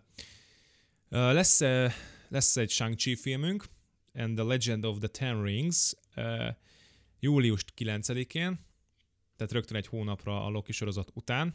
Mondjál nyáron. valamit erről a karakterről, légy szíves, mert én nagyon keveset tudok róla. Hát én is nagyon keveset tudok róla. Egy távol-keleti karakter, aki, aki majd nagyon erős lesz, és nagyon jól fog bunyózni, és megjelenik az igazi mandarin, mint főgonosz, a, aki, akinek ugye a képregényekben és a rajzfilmben is az volt a valódi ereje, hogy neki volt tíz olyan gyűrűje, ami, ami mindegyik egyenként erős, tehát körülbelül, körülbelül olyan, olyan legó lesz ebből az egészből, mint a, mint a végtelen kövekből, csak gondolom ezek a gyűrűk nem annyira durvák, de valamennyire ezek is mágikus eszközök, hogy ha mind a tíz tizet birtokolja valaki, akkor nagyon sötét erőket tud majd megidézni, meg, meg, meg nem tudom mit csinálni, és akkor ezzel ellen fog majd a shang küzdeni. Tehát a valódi mandarin is fel fogja ütni a, a fejét. Uh, nem tudom, számomra ez egyébként nem annyira érdekel, de majd meglátjuk hát, ha meggyőznek. Tehát ez, ez eddig a felhozatalból számomra legkevésbé érdekes. Aztán viszont jön egy érdekes koncepció, ez megint inkább hogy a galaxis őrzőinek a stílusát és világát. Hát a stílusát nem tudom, de hogy a világát ugye megint az űr, űrben, túl az űrön uh, setting lesz, Eternals, amiben, hát nem tudom, leszerződtették a fél uh, trónok harca a szereplőgárdát, tehát itt a Rob Starkon keresztül a havas csonon át uh, lesz itt mindenki, meg uh, Mondjuk nagyot akkor gurítanának, hogyha a Jason Momoa-t megszereznék. De ez igen. nem fog menni. Igen, igen. Angelina Jolie is lesz, ugye akkor ugye Kit Harington, akit említettem. Salma Hayek. Hm. Egy csomó, csomó nagyobb nevet megszereztek maguknak, és ők elmetleg ugyanolyan lények, mint Thanos, tehát ilyen titánok, vagy halhatatlanok, de hogy elméletleg ugye tehát egy fajból tartozóak, Thanosszal, csak Thanos közülük is egy mutáns. Tehát, hogy ennyi. De hogy egy fajba tartozóak lesznek, és akkor majd ők nagyon kemények lesznek, aztán így nem tudom, hogy velük mi lesz. De igen, ez alapvetően ez a ö, hogy említettem, hogy a Guardians of Galaxy settinget fogja kapni a film. És hát személyes kedvencem, Spider-Man No Way Home, december 17-én, ez a harmadik uh, MCU által gyártott film lesz. Pókemberből, hogyha ugye most uh, ebben az évben, sőt, már vége felé járnak a forgatások, de még mindig jönnek ki forgatási uh, fotók, úgyhogy ez biztosan el fog készülni, ez nem olyan lesz, mint a Sony féle, hogy nem készül soha el a harmadik rész, tehát ez biztosan el fog készülni. És nekem a No Way Home-ból kicsit a címből, meg ugye az előzetes plekkákból az jön le, hogy ez is eléggé kapcsolódni fog a, már a multiverzumokhoz. Tehát, hogy itt valami az lesz, hogy Póki el fog veszni az űrben, vagy el fog veszni egy párhuzamos univerzumban. És olyat is rebesgetnek, hogy ezzel a elveszéssel, vagy ezzel a ö, ö, multiverzumok megnyitásával meg fogják nyitni a lehetőséget Miles Moralesnek, aki ugye a fekete pókember, és manapság ugye például nem, hát tavaly kapott videójátékot is, meg, meg előtte animációs filmet, a nagyszerű irány a Pókverzum, aki nem látta, annak nagyon érdemes pótolni, mert nagyon-nagyon jó rajzfilm volt a Miles Moralesnek a filmje. Úgyhogy ebbe az évben egyébként el leszünk árasztva filmekkel is, papíron négy Marvel filmet fogunk kapni, hogyha Covid helyzet miatt nem akarják tovább tologatni, mert szerintem simán megtelték, valószínűleg a Black Widow-nál már nem telték meg, ahogy te mondtad, de egy pókembernél, ami ugye év végére jön, azt simán megtehetik, ha nagyon akarják. És aztán még uh, tudunk még két másik sorozatról is, ami, sőt több sorozatról is, a Hawkeye uh, sorozatról, ami ugye a lányának majd a sztoria lesz a Clint Bartonnak, vagyis uh, ugye Jeremy Rennernek a lányának, aki ugye Gate Bishop lesz. Lehet egyelőre ez még nem nagyon érdekel, de majd lehet, hogy lesznek uh, csinálók, és akkor az meghozza a kedvünket. Hát, ugye várjuk ki, mi lesz a vége, tehát azért nem olyan régen történt, amikor a, a Star Wars univerzumhoz bejelentettek egészen elképesztő mennyiségű sorozatot, filmet, tartalmat, és az első három pofára esés után hirtelen kiderült, hogy ez nem, nem volt annyira jó ötlet ezt ennyire túltolni. Tehát nem tudom, nem tudom, hogy gyártás alatt van egyáltalán a Hawkeye film, vagy a sorozat, vagy filmet mondtál, vagy sorozatot? Sorozatot. Tehát nem tudom, hogy gyártás alatt áll-e, de szerintem az, az, aminél nem történt még egy kapavágás, ott azért azt érdemes fenntartásokkal kezelni. Figyelj csak, Robi, a kérdésem az az, hogy szerinted mikor fog először Marvel filmben mondjuk rozsomák feltűnni? Hát ö, eljutottam volna előbb-utóbb ide is, akkor gyorsan pörgettem, Ó, bocsánat. vannak. Lesz egy Vatív sorozat, ez gyakorlatilag egy animációs sorozat lesz, amiben minden a feje tetejére áll, tehát ilyenekre gondolok, hogy nem Steve Rogers lesz Amerika kapitány, hanem Peggy, agent, vagy, vagy Carter ügynök Az, hogy Peggy, nekem az, Peggy Bundy volt az első, aki eszembe jutott, mint Peggy, akit ismerek, és ilyen, nem tudom, tévés karakter, bocsánat. Vagy, vagy, vagy T'Challa lesz Star-Lord, tehát, hogy így kicsit megkavarják ezeket a dolgokat. Nekem ez az egész nem szól másról, mint hogy Hú, gyerekek, tudjátok mit? Minden tudunk, meg mindennek az ellenkezőjét is. Legyünk full diverzek, minden tudunk, tessék. Ha valaki... Ez, de számomra ez, ez, ez, ez erről szól, hogy kell egy ilyen is. Uh, akkor lesz egy Miss Marvel sorozat. Miss Marvel, hát nem tudom, egy, egy nem, nem tudok erre mit mondani. Tehát ez egy, ez egy ö, olyan karakter, ami nek az a képessége, hogy nagyon rugalmas, ruganyos, tulajdonképpen olyan, mint Mr. Fantastic a Fantastic Fourból, csak ő egy ö, muszlim tini Tehát lány. Nem keverendő össze a Marvel kapitánya. Nem, nem, nem, nem. És akkor ami igazán érdekes, az a Doctor Strange és In the Multiverse of Madness, ahol ugye már ugye bejelentették, hogy Wanda és Loki is, nem Loki nem, csak hogy valamilyen szinten hogy ezt a Hát Loki, Loki-nak talán a története, vagy a settingje kapcsolódik majd ehhez, hogy ő is egy alternatív, vagy egy e, világban van. És akkor itt majd gondolom Strange-nek meg, meg Vandának meg kell küzdeni valami intergalaktikus dologgal. Vagy egymással, én azért ezt még nem zárnám Aha. ki. Simán, simán, simán benne van az is ez már egy 22-es történet, de van bejelentett dátuma. A Thor Levent Thunder ugye szintén munkálatok alatt van, onnan folyamatosan szivárognak ki jelenetek, vagyis hát képek, és az is egy 22. május 6-ai dátumot kapott. Itt elmetleg ugye Chris Hemsworth már ilyen másodhegedűst fog játszani, mert mellette ott lesz Natalie Portman, aki Steve Rogers, vagyis Amerika kapitány után ő lesz a második olyan, aki Tor, Tor, Tor után vagy mellett fel tudja majd emelni a Mjölnirt, és itt egy... Ne felejtsük el a víziót, aki szintén föl tudta emelni. Ez igaz. Hú, én is felejtettem, tényleg. Hát igen, csak nekem ő... Ő a... Igen. Igen, igen. Uh, és itt Natalie Portman egy ilyen sítor lesz, ha már úgy vesszük, mert hogy a képregények szerint mell, mellrákban szenved, fog szenvedni, ami egyébként hát a manapság az egyik leginkább gyógyítható ráktípus. Na mindegy, és hogy itt az ő problémája már csak a, a Mjölnir fog tudni segíteni, hogy hogy az majd a filmből kiderül. És, és aztán a, és ezzel fog befejeződni a Thor Love and Thunder-rel, legalábbis jelenlegi állás szerint a Phase 4, vagyis a negyedik fázis.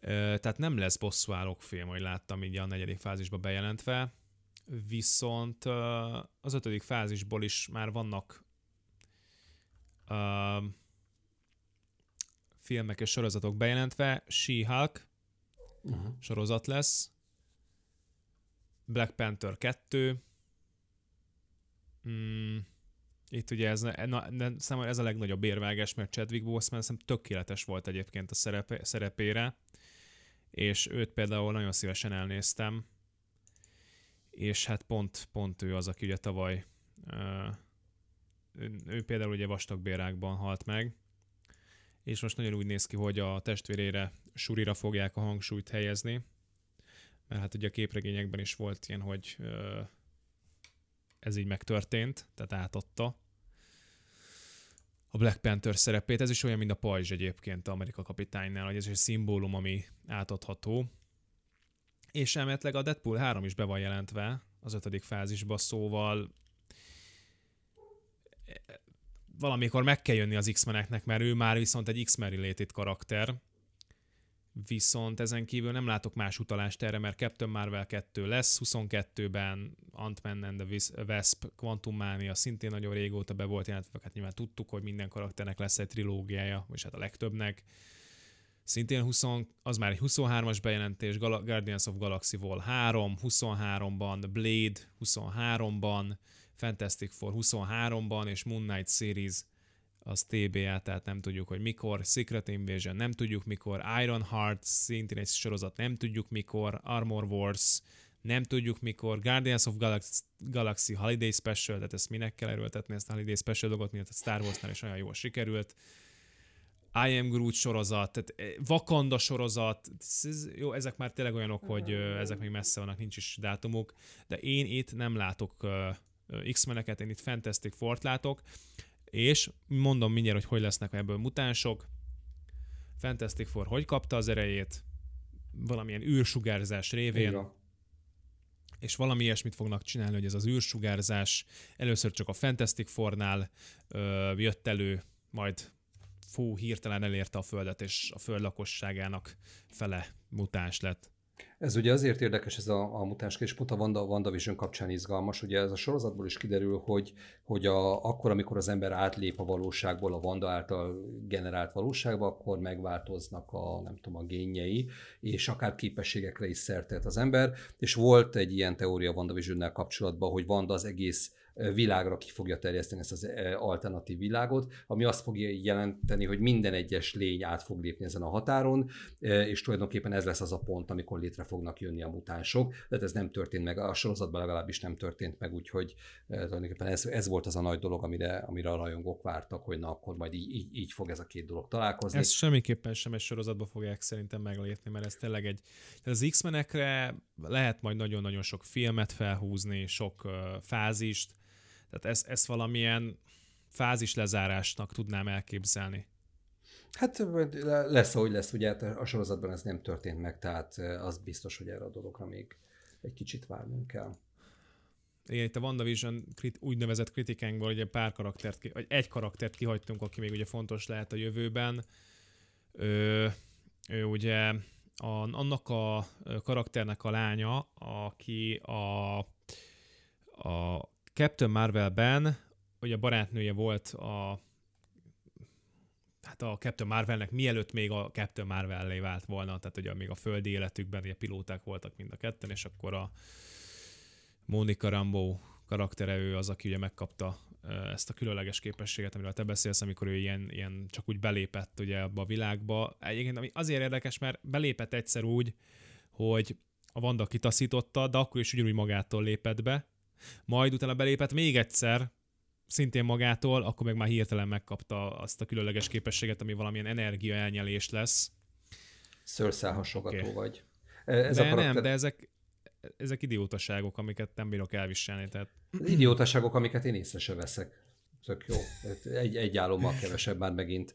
E, e, ez a karakter egyébként a Marvel kapitányban kislányként, nem tudom, ilyen 8-10 éves forma kislányként igen, szerepelt. Igen, igen. Hát valószínűleg ugye a Marvel kapitány 2-re építették fel az ő karakterét, hogy legyen valami sidekickje majd a Captain Marvelnek, mert... Mint hogyha marha nagy szüksége lenne sidekickre. Hát egyrészt, hát, hát magának az, mint, mint karakternek, mint képességben, erőben nem, mert egy rendkívül idegesítően túl erős karakter lett szerintem. Uh, másrésztről meg, meg viszont a Brie Larson önmagában olyan kisugárzása van, ami valahogy lehet, hogy pont jó egyébként a Marvel kapitányhoz, de egy elviselhetetlen személynek tűnik. Egy nem, ilyen... nem egy szimpatikus karakter egyébként, és nem tudom, hogy a képregényekből ez egyébként kiderül-e, vagy ez külön a, a Brie Larsonnak tudható be, hogy, hogy ilyenné csinálta a Marvel kapitányt, de, de tényleg nem egy, nem egy, nem egy színpinő. Úgyhogy, hát igen, az ő karakterét valószínűleg erre a filmre építették fel, ami hát egyelőre még úgy tűnik, hogy 23-ban jön csak. Bosszúállók filmet se látunk. Azért egy bosszúállók filmet eléggé sokáig szoktak tervezni, elég hamar meg voltak építve, hogy az mindig egy nagy-nagy fordulópont volt minden fázisban. De nem értelek ahhoz, hogy bosszúállók film legyen, hogy ezt nyilván nem a, nem a mostani garnitúrával gondolod, hanem az új generációval. Abszolút, abszolút. Tehát most De a, ők, mit tudom én, abból, amit itt elmondtál, ebből én itt nem látom az új generációt igazából, tehát nincsenek azok a filmek, sorozatok, amiből egyértelműen kiderülne, mm. hogy azok a karakterek, akik potenciálisan az új bosszúállóknak lehetnek a része, hogy a hangyának a, a kistánya ilyen, a bandának a, az ikerfiai e, ilyenek, jó, hogy te ennyire újban gondolkozol. Hát én nem, azért ennyire nem akartam volna előreugrani, hanem, hanem ö, ilyenekre gondolok, hogy a, a Vanda maradhatna, mert ő mégiscsak egy fiatal karaktert játszik, most akkor a víziót megint újraélesztették, akkor a shang nyilván benne lesz, akkor a, a Pókember, She-Hulk, a Hawkeye-nak a, a lánya akkor már simán, Doctor Strange simán, Marvel kapitány simán, Thor Doctor vagy Strange a, lánya, a... Doctor Strange fia, Doctor Strange nem, lányának, nem, nem, hát a nagybátyjának nem évtizedekre, hát ezért nem évtizedekre csak kell előugrani. Bosszantó egyébként, hogy mindig minden szuperősnek a saját kölyke és előbb-utóbb szuperős lesz, csak ide akartam igen, adni, hogy... igen. A Blade filmre egyébként azért leszek kíváncsi, mert az eredeti Wesley Snipes-os azért az egy elég ö, ilyen, ilyen, nem tudom, ezt gore horrorba ö, ö, tehát ez egy gore horror, ugye, tehát ott azért rendesen kaszabolják egymást. Hát meg most ki fog kezdeni az MCU a, a, a vámpírokkal. Tehát én ezt még itt nem nagyon látom, hogy ez hogyan hát, lesz jó. na ez az. Na ez az. Meg nem tudom, nekem a 12 karikás vámpíros sztori az azért egy nagyon furcsa. Figyelj, a, a, a végtelen háború és az Endgame az 16, 16-tal ment, és szerintem igen, korábban is igen, voltak 16-os filmek. A Deadpoolok is egyébként 16-tal mennek. Úgyhogy nem teljesen. Viszont, az, viszont a bejelentett főszereplő a Marshall, a, a Marshall Ali, Ali. Ali. Igen, igen, ő viszont szerintem egy tök jó választás. Hát úgy néz ki, mint egy, mint egy, mint egy vámpír az egészen biztos. Van valami egészen bizarra a megjelenésében.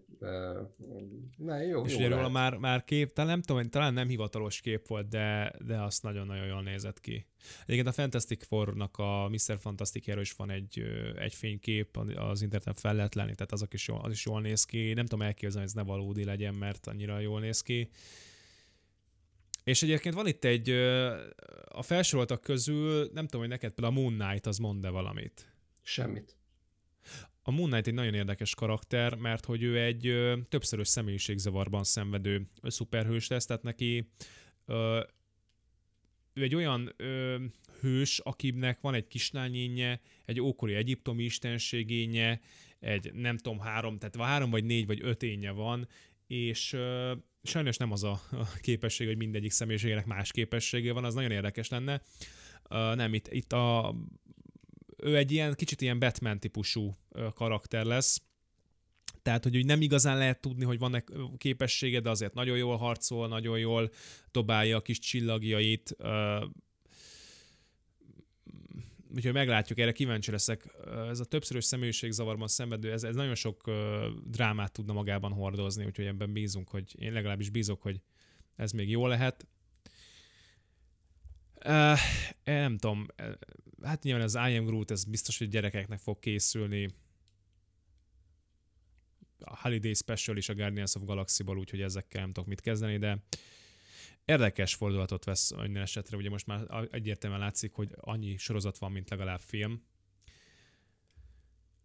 Úgyhogy felfedezte magának ezt a terepet a, a Disney. Viszont ugye most már a legújabb források szerint több mint 200 millió felregisztrált felhasználók, vagy hát előfizetőjük van pontosabban, ami egy nagyon nagy eredmény ahhoz képest, hogy az egyik utolsó szereplőként szálltak be ebbe a streaming piacba. Hát jó, de egy akkor, akkor a, a library-vel, hogy, hogy hatalmas. Hát persze, hát, nekik azért ez meg volt alapozva, igen. Mondjuk arra azért kíváncsiak, hogy ez a 200 milliót, ezt mikor mérték, amikor elindult a, a Mandaloriannak a második évada, vagy miután véget ért a Mandalorian. A Wanda, WandaVision közben. Hát az megint nem, nem érdekes. Tehát ugye a, viszonylag sokan csinálják azt, hogy, hogy amikor valami érdekes tartalom van, akkor néhány hónapra előfizetnek, amíg kipörög, és utána nem mondják. Tehát, hogy, hogy... Hát igen, de most jön a Falcon és Winter Soldier, valószínűleg akkor már megtartják az előfizetésüket, hogy azt is megnézhessék. Tehát hát folyamatosan tudom, jönni fognak. Ahhoz VPN mögé kéne bújnom, hogy hogy uh, tudjak Disney Plus-hozni, úgyhogy most már nem tudom, megvárom az őszt vagy a, vagy a telet, amikor, amikor legálisan lehet Magyarországon is Disney Plus-hoz hozzáférni. Na így lezárásképpen a, azért elmondanám, hogy ö, a jelenleg megjelent 24 ö, műből, ebből 23 film és egy sorozat, hogy áll a ranglista.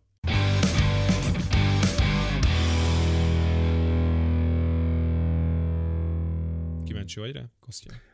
Mindenképpen, de először is, de a, ugye átküldted ezt a listát nekem is, nekem van egy kakuk tojás benne, Na. Ez pedig a 2008-as a Hihetetlen Hulk, hogy ezt a Canon részének tartjuk. Az Canon része. Canon Edward része. Norton féle Hulkot. Igen, igen, igen, abszolút.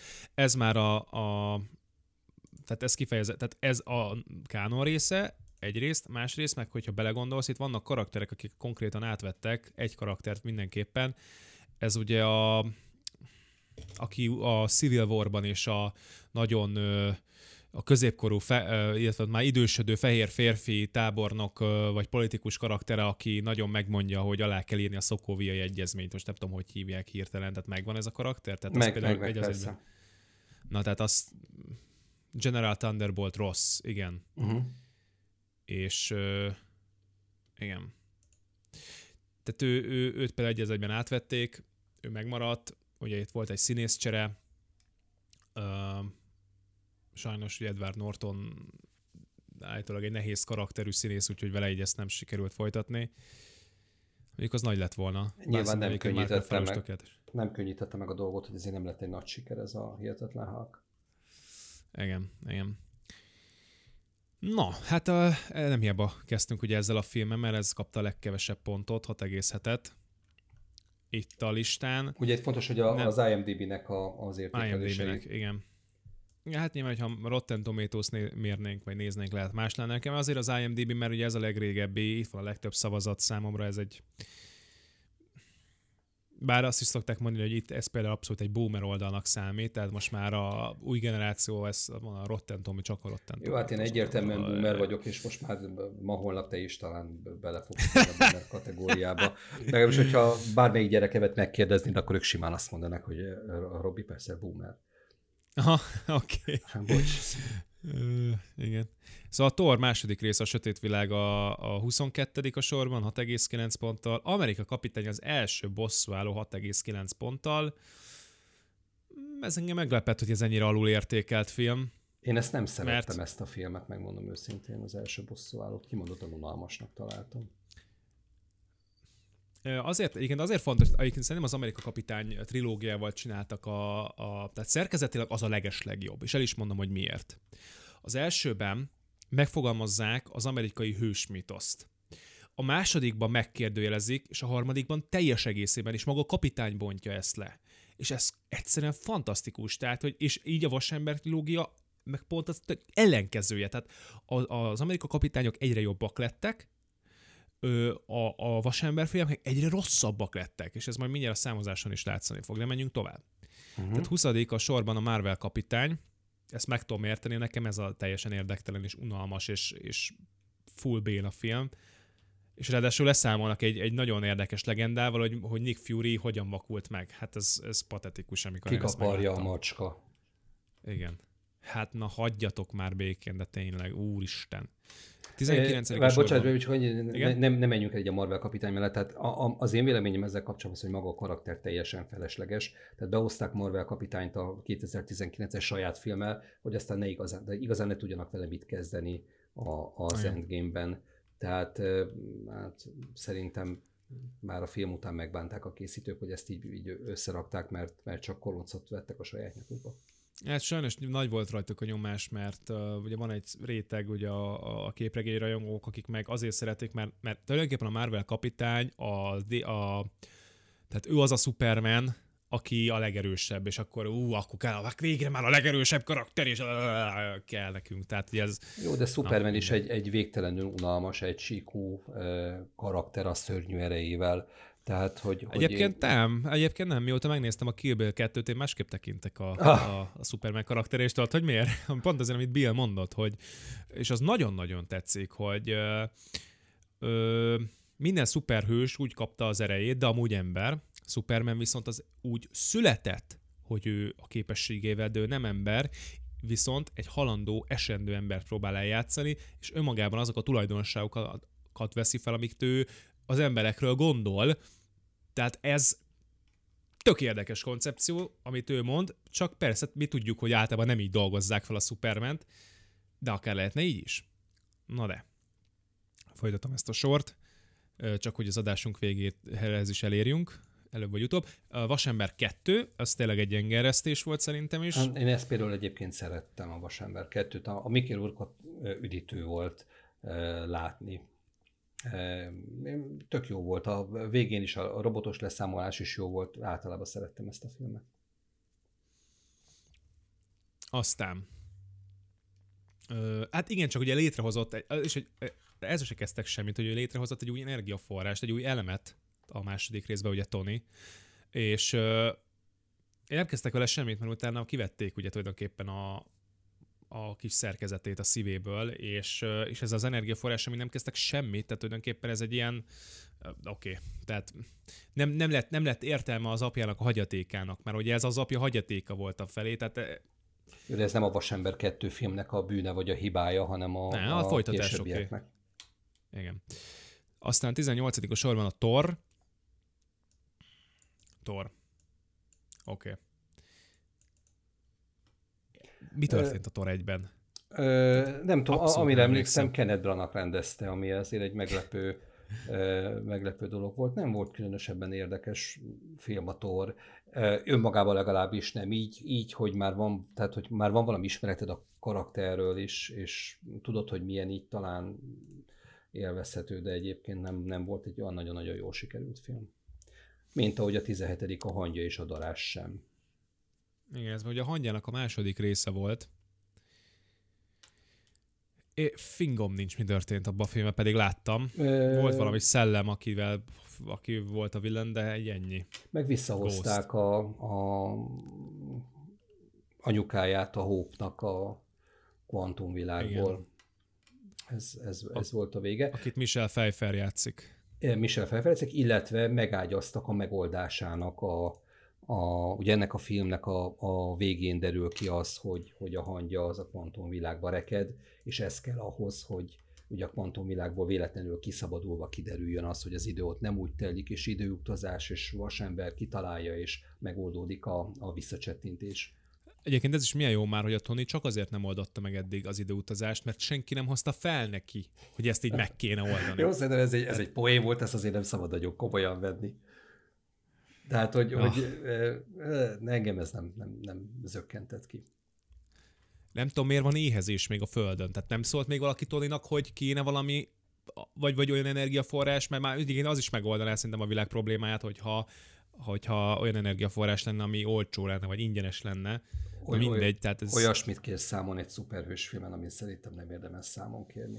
Nem az a dolga, hát hogy, jó. hogy Oké, okay, várjál, a, vakan, a, a, izé, a Fekete Párduccal kezdték ezt a sztorit, hogy eddig vakok voltunk a világ problémájára, de most már kilépünk a izé. Ezt nem én találtam ki, ezt ők hozták be a képbe.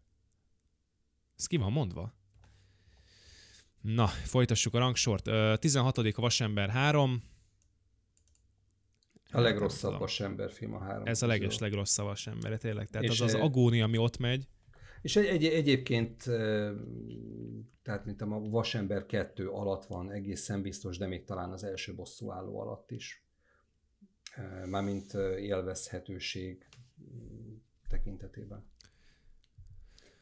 Itt hát kicsit olyan nagy a vége, mint mondjuk a nagyon picit, nagyon részlegesen hasonlít ugye az Endgame-nek a befejezéséhez, amikor látjuk azt a nagyon sok páncélt, akkor ott azért a geek megszólal bennük, hogy de jó, ennyi páncél. Tehát, hogy kicsit jó, egy, de hol egy, voltak ennyi. ezek Tehát a páncélok ez... eddig? Tehát egy csomó, csomó olyan helyzet igen, volt a, igen. a filmben, amikor ez, ez így megoldotta volna az egészet, és nem. Tehát nem, igen. nem, nem, nem is érdemel ezt több szót. 15. Uh, hangya, az első hangyafilmet én őszintén szerettem. És elsősorban a humora miatt szerettem, ez egy, ez egy, ez egy jó, ez a, a Pórádnak ez, ez a karakter, ez tök jól áll. Nagyon jól áll, igen. igen. Azt tényleg állt. Egyébként azt elmondható, hogy egyetlen egy, vagy két mellényúlás volt összességében, azért ennyi karakternél, ennyi színésznél szerintem ez egy nagyon jó arány, de ebben a, ebben a legjobb az MCU, hogy iszonyatosan ö, jól választja ki Igen. a színészeit. Melyik volt az, mely, melyek voltak szerinted a mellényúlások? Hát a, ugye a Rodinak a karaktere, a, a Tonynak a haverjája, aki ugye Varmassi, mert ugye ott volt egy színészcsere. Hát ez csak azért mondom, hogy mellényúlás, mert volt egy színészcsere, de ennyi. De akkor most az ered, eredeti Rodi vagy az új Rodi volt a mellényúlás? Az új Rodi az nekem teljesen jó, az, ered, az első Rodi meg az is lehet, hogy jó lett volna, csak egy filmben szerepelt, utána nem szerepelt, jó. és akkor nekem ez így rossz, hogy, hogy itt most volt egy csere. Ugyanúgy a másik ugye mellé, mellényúlás, mi nyilván tudjuk, hogy az Edward Norton ö, volt. Kész. Hát, vagy akár ezt, a, a Brie larson is ide lehet hozni, de ott nem egyértelmű, hogy a színésznővel vagy a karakterrel, megformált karakterrel van igazából baj. Én azt gondolom egyébként, hogy autentikus a karaktere, mert ugyanez a pökhendi uh, hát nem is részletezem inkább, mert női hallgatóink rögtön elpártolnak tehát ezt az ultra agresszív feminista vonalat tolja maga a karakter is egyébként, meg szerintem a színésznőt nem hiába választották ehhez, tehát... Nem lett a rajongók kedvence. Nem. 14. a Fekete Párdút, szerintem ez meglepett egyébként, hogy nem fér be a top 10, meg ugye kifejezetten a közép alján van. Ki mondott a rossz Szerintem a Fekete, szerintem a Fekete Párdút egy jó film volt, tök jó nem, nem, nem, nem, nem, tudom, nem tudom azt mondani, hogy ez, ez ennek mi, a, tehát mi a hibája ennek a filmnek most azon kívül, hogy ö, tematizáló film volt. Tehát hát, kellett egy ilyen is, egy királydráma volt emellett, de tök csomó, tök csomó mindenről szólt.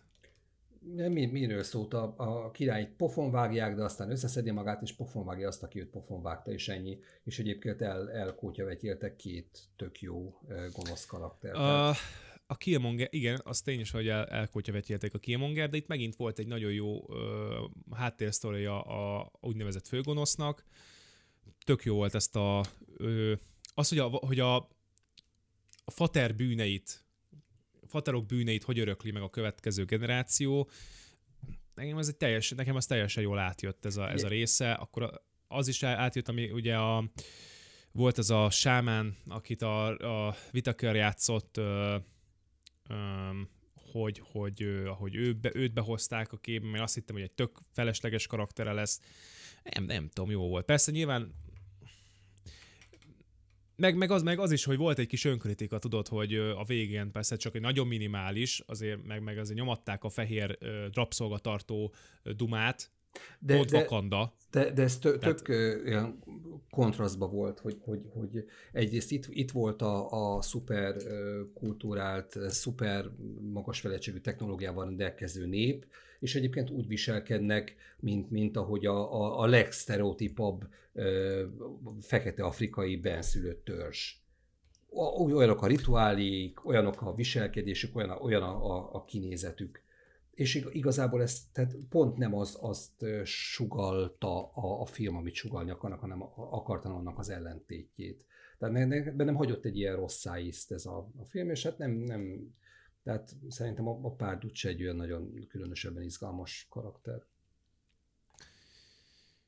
Akkor itt van a bosszúállók Ultron kora 13. helyem. Igazából ezt talán lejjebb is csúszhatna, mert ez a legrosszabb bosszúállók film szerintem. Én szerettem a, is egy... a, a, a, a végét, azt, azt, azt csíptem. Tehát az egy, az egy epikus bosszúállókhoz méltó összecsapás volt a végén. Jó volt. Ez igaz, ez igaz, viszont maga az Ultron karaktere, vagy, vagy ez a mesterséges intelligencia, ami életre kell, tehát könyörgöm, tehát komolyan mondjuk, tehát komolyan az történt, hogy ö, lez, egy, egy ponton lecsapták az internetről Ultront, meg ugye Szokóviát, tehát én ezt értem, de egy mesterséges intelligencia nem azzal kezdi, hogy folyamatosan menti a kis felhőbe a kis dolgait, és nem az van, hogy most itt van a pendrive, vagy bedugom, és tehát, tehát ez engem annyira idegesített, hogy, hogy az Ultron az egy, az egy egyrészt egy hisztis kis kis hülye gyerek volt az egész sorozatban. Egy mesterséges intelligenciától tök jó ellenséget csináltak volna egy mesterséges intelligenciával, aki öt lépéssel jár mindig a, a bosszúállók előtt. Mert hát bakker, ő kiszámolja a lehetséges verziókat, hogy itt mit fognak lépni, és mindegyikre van forgatókönyve, de nem ez történt, hát folyamatosan elverték a kis segét, tehát annyira unalmas volt, annyira béna volt, annyira nem tudtak vele mit kezdeni, miközben egyébként ő szintén a képregényekben egy rohadt nagy ütést tud mérni a, a, a bosszúállókra. Ehhez képest totál gagyi volt. Az, hogy a Quicksilver hogy halt meg, totál gagyi volt. Gagyi, gagyi volt ez a film, az az igazság. Jó volt együtt nézni a bosszúállókat, ennyit tudott ez a film. Szerintem tök érdekes volt az a, az a gondolat, hogy tulajdonképpen a, a, a fő, fő gonoszt azt a, azt a bosszúállók, illetve a, a, a Banner és a, a Tony Stark teremtette ami egy tök jó évet vitt ebbe az egész dologba. Tehát Ultron nem, nem a semmiből jött, ő nem egy, nem egy földön kívüli gonosztevő, hanem őt megteremtették azért, hogy védelmezzen. Hát a lélek, a, lélek, a lélek, lélekkő azért egy ilyen úgymond külső tényező, de igen. És ugye ebben a, ebben a, a filmben jelent meg Vízió, akiről igaz, hogy csak a WandaVision-ben derült ki, hogy milyen jó, jó fej és jó használható karakter, de fölemelte Tornak a kalapácsát. Igen, ezért már megérte. Ezért már megérte. Megnézni. 12. Pókember hazatérés. Ö, igazából nekem tetszett a... Sokan ezért kritizálják az új pókembert, hogy hát itt rá van csimpaszkodva a Tony Starknak a karakterére. Szerintem ez, ez nagyon jó. Szerintem is jó volt, és e, ugye van jelentősége, tehát akkor, amikor, akkor, amikor meghal a, a pókember, e, akkor, akkor annak súlya van a, akkor azt, azt Tony Starkot azt haza, hazavágja. És, és ez kellett, kellett ez a rácsimpaszkodás, kellett az apa-fiú, a mentor-tanítvány viszony kettejük között. Nekem ez, ez nagyon bejött és nagyon tetszett. Meg hát Pókember egy hülye gyerek, olyan hülye gyerek, ami ennek a Stanley megálmodta annak idején egy kamasz, kamasz problémákkal, kis dolgokkal, ugye ő az a, ő az a bosszúálló, aki, aki csak ilyen kis dolgokkal akar egyelőre foglalkozni, és hát ebben a filmben tulajdonképpen piszlicsári dolgokkal foglalkozik, és tök jól áll neki nagyon jó. Meg a casting megint, megint káprázatos volt, sikerült egy olyan csávót választani, aki, aki egy csomó dolgot kaszkadőr nélkül meg tud oldani, és, és tényleg hiteles, és elhiszük neki, hogy ő tud lenni a pókember. És ő tényleg tini korába kezdte a pókemberkedést, tehát nem úgy, mint a korábbi színészek. Hát ha nem is a tini korába, de vagy nagyon a de, végén de, a tini de. korának. Hát várjál, mindjárt mondom, nem volt talán 18, amikor őt felvették a, lehet, hogy már a forgatásokkor betöltötte a 18-at, nem, most mindjárt mondom neked, mert itt van egy 96-os csávó, hát mondjuk 96-os csávó, akkor ő most 26 éves, nem, 24. 24 éves, az első Pókember film az uh, 17-es, tehát, tehát négy évvel ezelőtti. Tehát itt tehát a akkor pont. volt 20 éves. Ja, de ugye nem, nem azt, mondjuk, hogy a, jó, értem, de oké, okay, tehát igen, 20 éves kora, de a, mire ő leforgatták minden, mindegy. A lényeg az, hogy a összes többi szereplő, főleg a Sony-féle Pókemberben ott jóval-jóval idősebb színészek játszották el a Tinit. Most az Andrew Garfield volt, illetve a Tommy Maguire. Így van. Lényegesen autentikusabb. Tobit mondtam, Tobit akartam. Igen, autentikus, Toby Maguire és. Igen. Szóval 11. helyen a Pókember idegenben van. Ö... Igen, meglepett, hogy ez el, előbbre van, még ha csak egy tizeddel is a, a, a Pókember Igen. hazatérés. Azt szerintem a hazatérés ez egy jobb film volt, mint az idegenben. Az idegen az a, az a harmadik fázisnak ugye a lezárása, tehát nem is az endgame volt a lezárás, hanem maga a, a pókember idegenben. Itt látjuk ugye először azt, hogy a pittyenés után ö,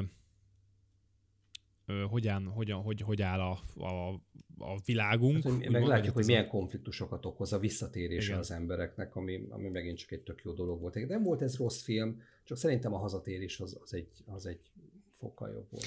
Nekem nagyon tetszett, hogy misztériót megjelenítették, mert őszintén szóval nem tudtam volna, nem, ennél jobban én nem tudtam volna elképzelni, hogy egy ilyen uh, villent, uh, aki tulajdonképpen szintén fő, főleg technikával és átverésekkel dolgozik, az az így működjön, és nagyon sokáig ugye nem derült ki az, hogy te, te, te, láttuk a trélereket, és én teljesen elhittem, hogy úristen, itt a misztérió valami jó csávó lesz, és uh-huh. pedig, pedig nyilván tudtuk, hogy vagy én legalábbis tudhattam volna, hogy rohadtul nem, de, de és, és ráadásul nagyon jó színész találtak a helyére, a, a, a, a szerepére, aki ugye nem más, mint Jake Gyllenhaal, tehát azért az ő, ő neve már önmagában egy hát egy rongos színész, tehát és, és, és jönnek egyre inkább be ugye a filmekbe. Most már azt is tudjuk, hogy ö,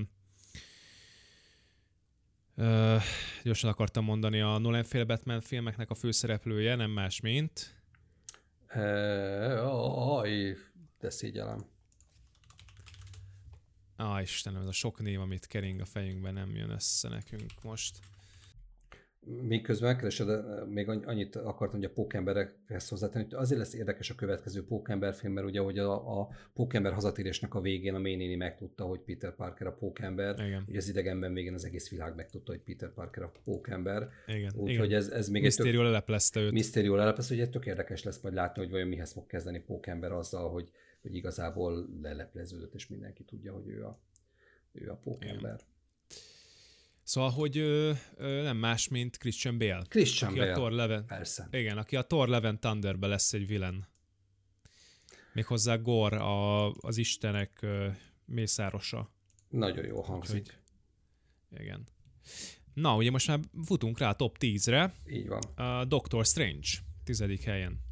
A, ez egy jó film volt a tökéletes Benedict cumberbatch annyi, hogy, hogy itt viszont nem sikerült egy jó vilán találni. Tehát ez, ez, ez sokkal előkelőbb. Nem is lehet. emlékszem, hogy ki volt rá. Valami, a valami pofa, valami volt arc. a, a hát, főgonosz, aki valakit képviselt, aki meg akart mindent, minden, mindent enni, és meg akart mindenkit szabályozni, de, de ugye a Metz Mikkelsen volt alapvetően a, a, az ellenpont, nem volt különösebben emlékezetes, de a Benedict Cumberbatch az, az jó volt, és igazából ez a, a Doctor Strange is egy, hát nem tudom, egy ilyen béna szuperhős szerintem, bénán néz ki, úgy általában ó, varázsol, de még, mégis sikerült menővé tenni, tehát ugyanúgy, ahogy egyébként Tort is sikerült menővé tenni aki, aki szintén egy béna szuperhős, e, és itt jegyzem meg, hogy hasonlóképpen, hogy a DC-nek Aquaman sikerült menővé tenni, aki mondjuk egy béna DC szuperhős.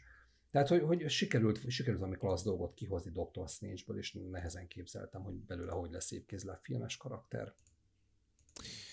Ö, ezt tudni kell, hogy Doctor Strange az egyik leges-leges legerősebb karakter, tehát ő szerintem, mert, mert ő egyébként azért is, mert ő tehát az a mágia, amit ő használ, a sokkal-sokkal messzebbre ér. Tehát gyakorlatilag Doctor Strange az már egy olyan karakter, aki az, hogy a Földön valami nukleáris fenyegetettség van, mondjuk mondtam, hogy ő egy ilyenben már közben se mert ő már annyira nagyban szemléli az egészet, hogy neki ez már egy kis dolog. Ezt majd valami pókember vagy valami vasember intéz elő, ilyenekben nem lép közbe. Tehát ez a képregényes világban Dr. Strange már ilyen, ilyen szinteken van, hogy ő már ténylegesen univerzumokat és galaxisokat ö, tud felügyelni, vagy, vagy, vagy, vagy ilyen galaxis, meg, meg univerzum méretű dolgokat, fenyegetéseket hárít el. Nyilván a Multiverse of Madness alcím az én már valami ilyesmit sejtett, hogy, hogy tényleg egy ilyen nagyon nagy fenyegetés lesz, amit Vandával közösen, vagy egyedül, vagy el kell intéznie. Szóval, hogy itt még nagyon-nagyon csak kapizsgáljuk Doctor Strange-nek, szerintem, hogy kapargatjuk az ő erejét. Még úgy is, hogy elmeteg nerfelve lett, tehát gyengítve lett azáltal, hogy a időkövét elveszítette.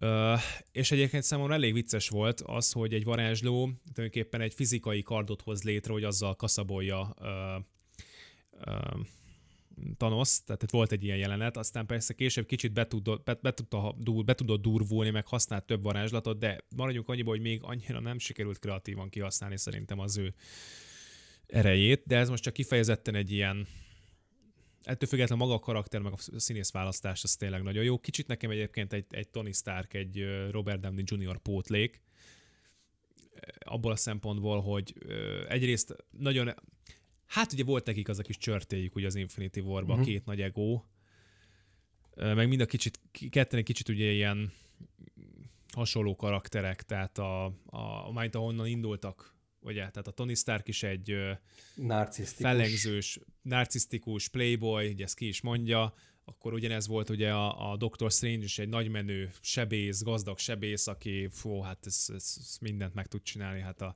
lepedéket lete, eltávolítja az agyadról, meg ilyenek, tehát ugye hát senki nem tud, csak ő, szóval abból valamit ebből azért meg, megőrzött szerintem Strange-ként is. És Na mindegy. De ugye nagy találmánya a Doctor Strange filmnek, hogy láthattuk a csodálatos Tilda swinton akit mindig jó bármiben látni, hajjal, haj nélkül, csúnyára maszkírozva, szépre maszkírozva, mindig nagyszerű. Galaxis őrzői a kilencedik helyen, méghozzá abból is a második rész. Nekem egyébként tetszett ez a film. Nekem is. Leszpoilerezem, hogy az első rész meg nem. Én az elsőt is szerettem, ezt is szerettem. Ennek a filmnek egyébként Yondu volt a, a nagy találmánya. Tehát az, hogy a, egy igazi szemétláda karakterből az első részben megismert igazi szemétládából sikerült egy nagyon-nagyon szimpatikus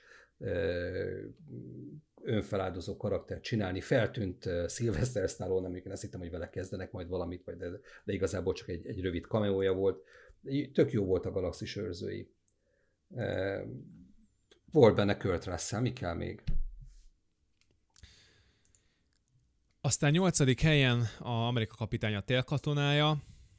Ö, teljesen megérdemelt, nagyon jó kis ö, ilyen ö, ö, is mondjam, akció, ö, dráma, krimi volt. Becsapós címmel lehetett volna bosszúállók a télkatonája is akár a címe vagy nem tudom. Bosszúak, szerintem az a Civil War, amire te gondolsz, Ö... mert ott voltak annyian. Itt nem voltak olyan sokan. Mm, próbálok visszaemlékezni. Nem, hát itt volt először a, a, a Falcon, a képbe itt jött be, és ugye itt jött be először a képbe ugye vissza a Winter Soldier, az Bucky, aki hát ugye kiderült, hogy ő az, aki így az évtizedek során ő... E, bocsánat, és akkor... teljesen igazad volt, hülyeséget mondtam az előbb.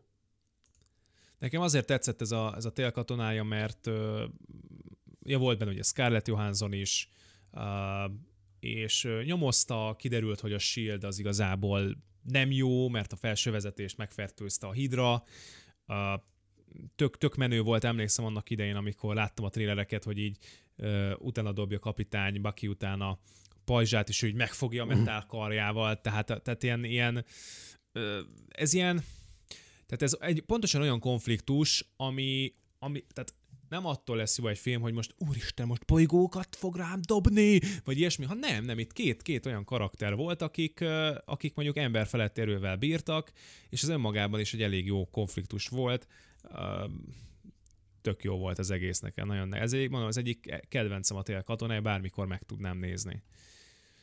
Jó volt, én is szerettem. Hetedik Amerika kapitány polgárháború. Becsapós a címe egy... lehetne az, hogy bosszúállók polgárháború.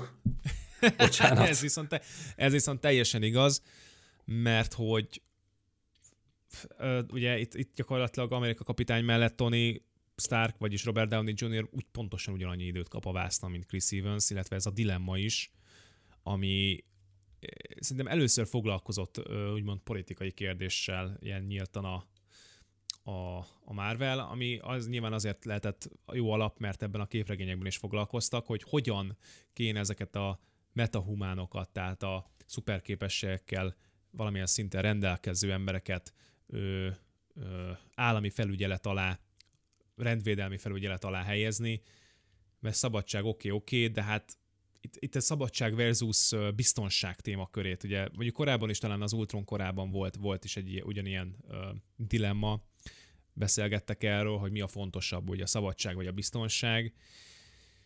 És itt is nagyon erősen uh, tárgyalják ezt a kérdést. Egy darabig, aztán nyilván belefordulunk megint csak a tipikus márvelezésbe, tehát a, a, a mármint ezt úgy értem, hogy uh, itt, itt talán ugye az Endgame-ben ezzel poénkodnak is, hogy kapitány meghallja Bucky nevét, és így lefagy, és akkor így, ez, tehát, jó Istenem, Bucky életben van, úristen, tehát meg, meg egyébként ugye a polgárháborúban már említett villain az, az nem más volt, mint a Daniel Brühl által játszott Zémó, aki egymásnak ugrasztja őket.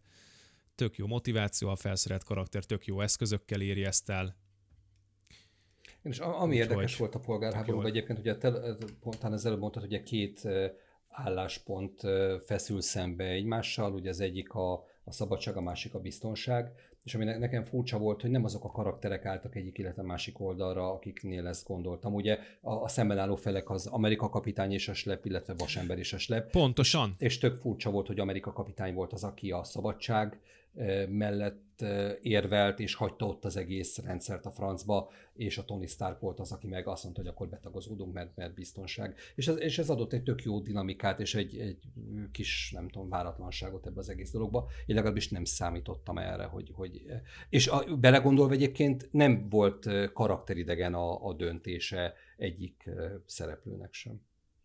Nagyon jól meg voltak alapozva, főleg ugye mondtam, hogy az Amerika kapitány filmek, ahogy eljutott ide Steve Rogers karaktere, ez, ez, ez egy tökéletes uh, ív volt, amit egyébként tudtak folytatni egészen az Endgame-ig, mert hát a polgárháborúban uh, ő mégiscsak egy olyan karakter volt, aki persze morálisan lehet, hogy igaza volt, viszont ugye volt egy uh, úgymond bűrészesség, vagy legalábbis ő bűrészesnek érezte magát abban, hogy ő eltitkolta Tony elől azt, hogy mit tett Bucky, a szüleivel, és amikor ezt meg tudták úgymond beszélni, és fájtlat, uh, hogy szeretek ezt mondani, hogy fájtlat a múltra? Igen. Van tehát valami ezt, a, ezt, a, ezt a műveletet végrehajtották, akkor kapitány méltó lett a Mjölnirre, és, és az is egy, egy nagy, de majd ez mindjárt jönni fog. Tehát hatodik rész, vagy hatodik a sorban a Vasember, egy teljesen megérdemelt, mai napig az egyik legjobb film, de komolyan.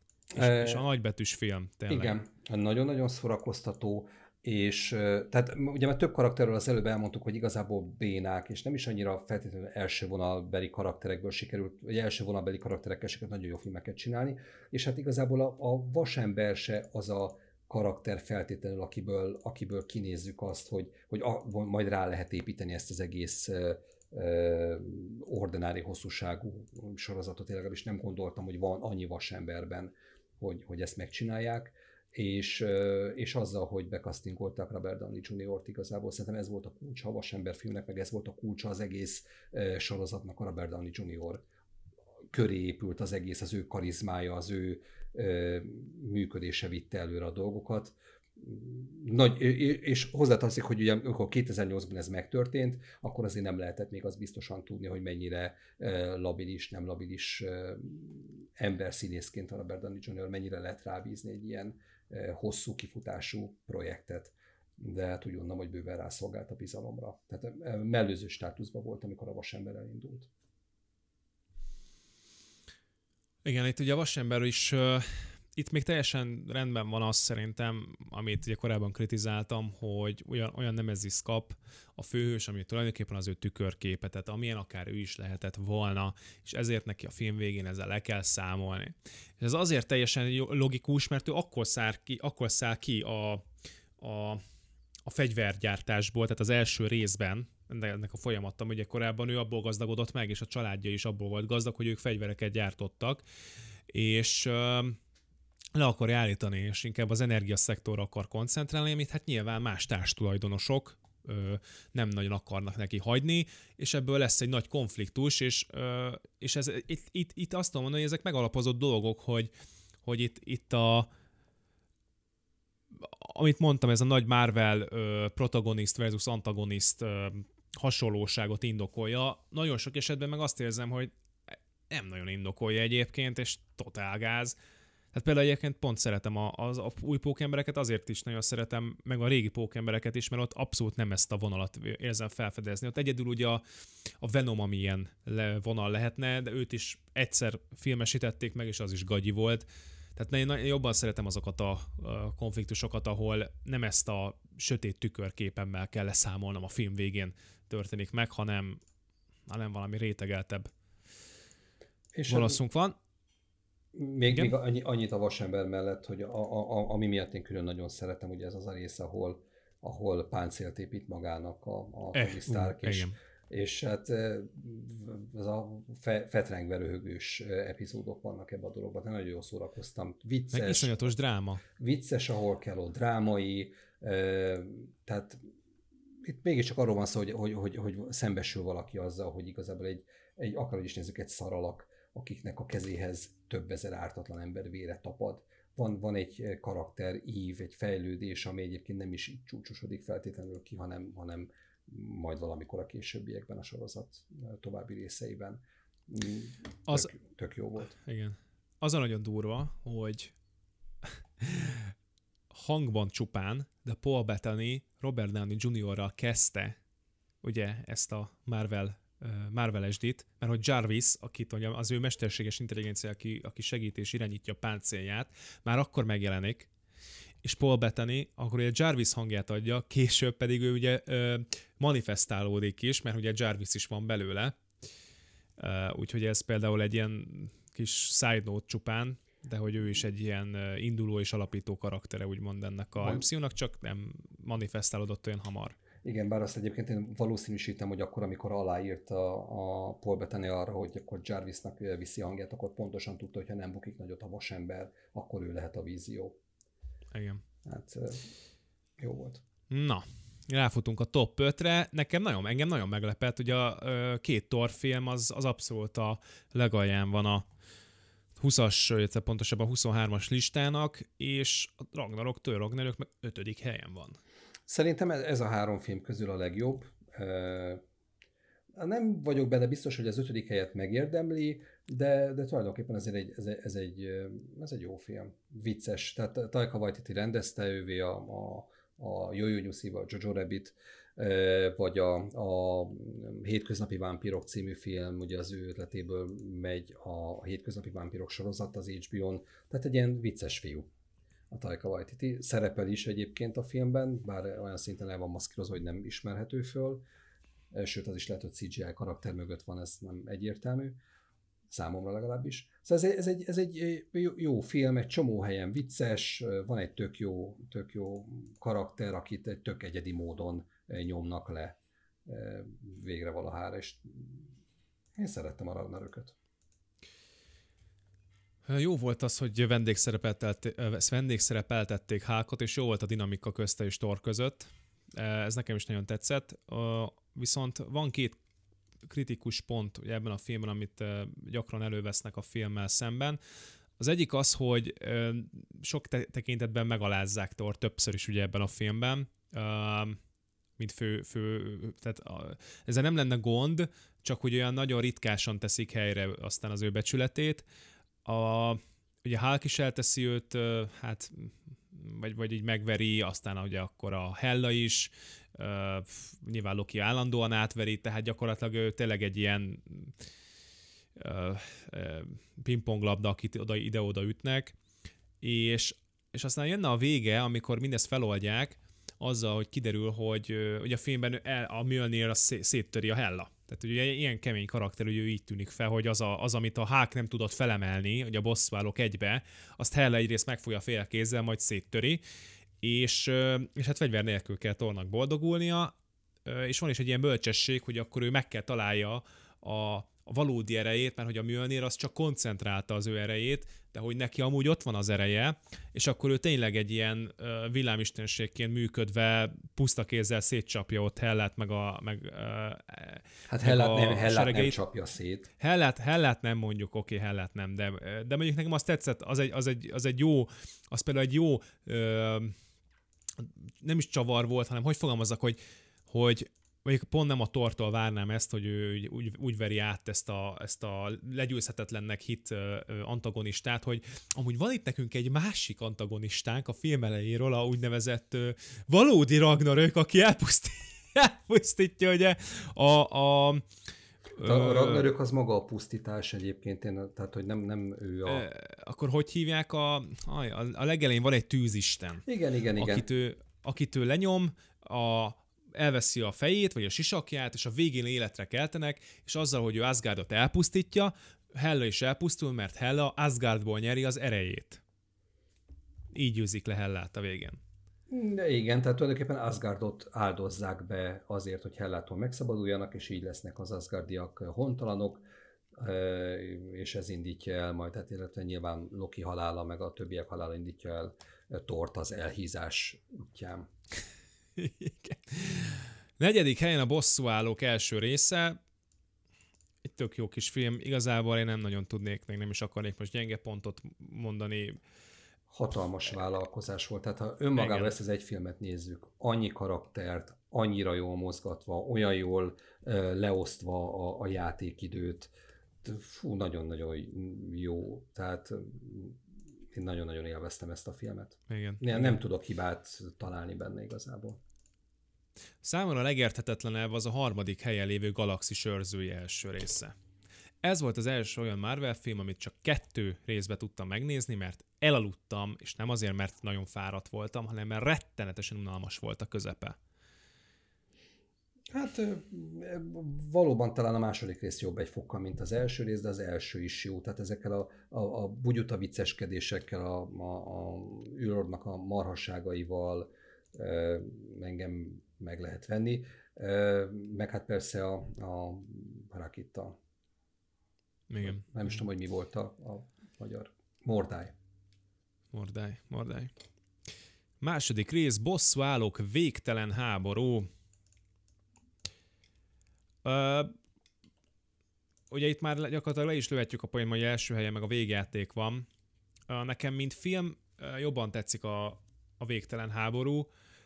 Uh, egyrészt azért, mert itt ugye a Civil War-nak az eseményei és a szétszakítottság uh, uh, után veszük fel a fonalat, tehát hogy látszik, hogy itt ennek még mindig van hatása, pedig már jó pár film, ugye, meg jó a időben is uh, már évekkel járunk utána, uh, és ez a szétosztottság az, ami tulajdonképpen segíti Thanoszt, hogy összegyűjtse a köveket, és ő a főszereplő, ezt el lehet mondani. Ő szerepel a legtöbbet, szintén egy réteget karakteré válik, a, kifejezetten tetszik, hogy összegyűjtik a köveket, vagy ő összegyűjti a köveket. Az elején nagyon erősen indít, hogy Lokit kinyírja, Hákot három ütésből hatástalanítja, a tornak is a fegyvere nélkül esélye nincs ellene, tehát gyakorlatilag egy iszonyatosan félelmetes, de rétegelt karaktert kapunk, mellette meg a többiek is nagyon jó dinamikával rendelkeznek, tehát imádom a Strange, Pókember, Tony hármast, tehát az, az iszonyatosan vicces, ahogy meg,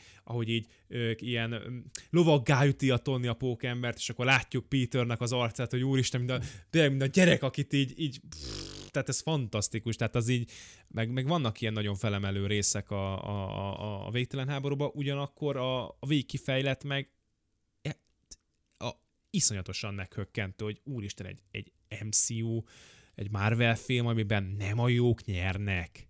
Hát van ilyen? Ö, igen, ö, bár ugye ezt lehetett sejteni. Tehát ugye tudni kell azok, akik nem tudom, ezt az elmúlt néhány évet még kő alatt lakva bujkával töltötték, hogy akkor, amikor kijött a végtelen háború, akkor már lehetett tudni, hogy készül a következő Pókember film. Na most innentől kezdve az, hogy a, a végtelen háború végén meghal a pókemberből lehetett sejteni, hogy van visszaút. És a. Akkoriban azokat mondták, hogy nyilván elterelésképp, bocsánat, közben hogy Igen. hát a kontinuitás az eddig nem volt feltétlenül kőbevésve. Tehát az, hogy most jön egy második pókember film, De nem biztos, hogy az utána játszódik. A 20 éves Tom Hollandal, hova, hova mennek vissza, és miért mennének vissza. Tehát ez, ez Persze, ezek nyilván ilyen bétek voltak, csak mondom, de, hogy... De egyébként ennek ellenére nagyon hatásos volt az egésznek a vége, illetve nekem ami miatt a nagy kedvencem a végtelen háború, az az, hogy a leg-leges-leges legdrámaibb néhány perc az egész sorozatban az a végtelen háborúban volt, és ráadásul ez nem is, nem is a bosszúállókhoz, hanem Thanoshoz és Gamorához köthető ugye ahhoz, hogy, hogy Thanos megszerezze a, talán a lélekkő, lélekkövet, Igen. ahhoz neki fel kell áldozni valamit, amit szeret. És ugye Gamorával megy a lélekkőért, és amikor Gamora megtudja, hogy, hogy Thanosnak valamit, amit szeret, fel kell áldozni, akkor elkezd nevetni rajta, mondva, hogy Thanos ez bukta, mert nem szeret semmit. És, és akkor Thanosnak a, a CGI arcán látszik, hogy hát gyerek, ez nem egészen így van és Gamorát kell feláldozni, akit igenis szeret, és akihez kötődik, és aki fontos neki. Ez egy nagyon-nagyon-nagyon mély dráma, és, és nagyon-nagyon szerettem, és ez tényleg megkökkentő volt. És mélységet adott a Tanosznak, akinek egyébként az indítékai megint csak valósak, tehát nem ilyen légből kapott megalomán marhaság, az, ami Bár összességében egy baromság. Persze, hogy baromság. Nem lehet nem baromság kiírtani az univerzum népességének a felét. Nem így értem, hanem a cél, a cél sem uh, valósul meg, mert ő azt gondolja, hogy ezzel ugye megmenti, tehát ő azt látja, hogy ha hagyja, hogy így tovább túlnépesedjenek a bolygók, akkor ők, ők az egész meg fog semmisülni. Ezért meg semmisíti a felét, hogy a másik fele élhessen. Ugye neki ez a logikája. De könyörgöm, minden genocidium után pont az ellenkezője történik. A halál után az emberek az életbe menekülnek. Hát évtizedek múlva ugyanott vagyunk. Hát ez nem egy segítség volt. Hát ez, ez semmi. Hát a világegyetemben néhány évtized az egy a csettintés sem, sem felmérhető. Tehát ez, ez, egy, ez egy nagyon gagyisztikus terv volt egyébként. Most én értem, hogy a Marvel filmes univerzumhoz képest ez, ez így is Shakespeare magasságok, de ez két további gondolás után cáfolható. De a végjátéknak a végére rájött, hogy ez marhassági szintet kell Így lépni, van. de majd ezt mindjárt a következő filmnél tárgyaljuk. Szóval szerintem is egyébként jobb film a Végtelen háború a végjátéknál, Tök jó, hogy súlya van Thanosnak, és ez az, amit mondjuk a DC-nél egyszerűen nem, nem láttam még soha, bár nyilván nincs akkora, akkora termés a DC-nél, de hogy ott nem sikerült háromdimenziós karaktereket alkotni, semmiet, nem, nem, hogy, nem hogy főgonoszt. És a bosszalok végjáték lett a legtöbb pontra értékelt Marvel hát, alkotás.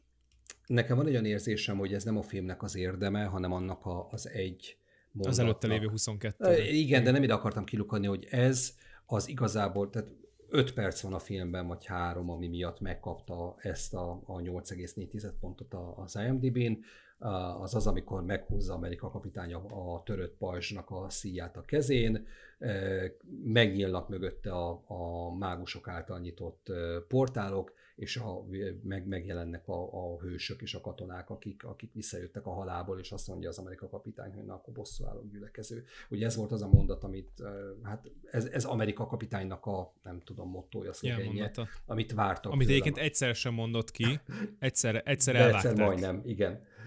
És, és, és, és tök jó ütembe jött ez, és ez egy, az, tehát az, az egy akkora epikus jelenet, amihez, amihez nem sok fogható van, és az azt megelőző szerezzük meg a köveket, időutazás, az is, az is egyébként teljesen korrekt volt. Hát igen, az vicces, hogy, hogy a, a, egy este alatt Tony Stark kitalálja az időutazást, de tehát most a, a, a, arról a filmről beszélünk, ahol, ahol egymás mellett harcol a Hulk és a fekete özvegy, amikor Hulk befeszíti az izmét és ordít egyet, akkor a fekete özvegy betár az egy 9 mm-es pisztoly.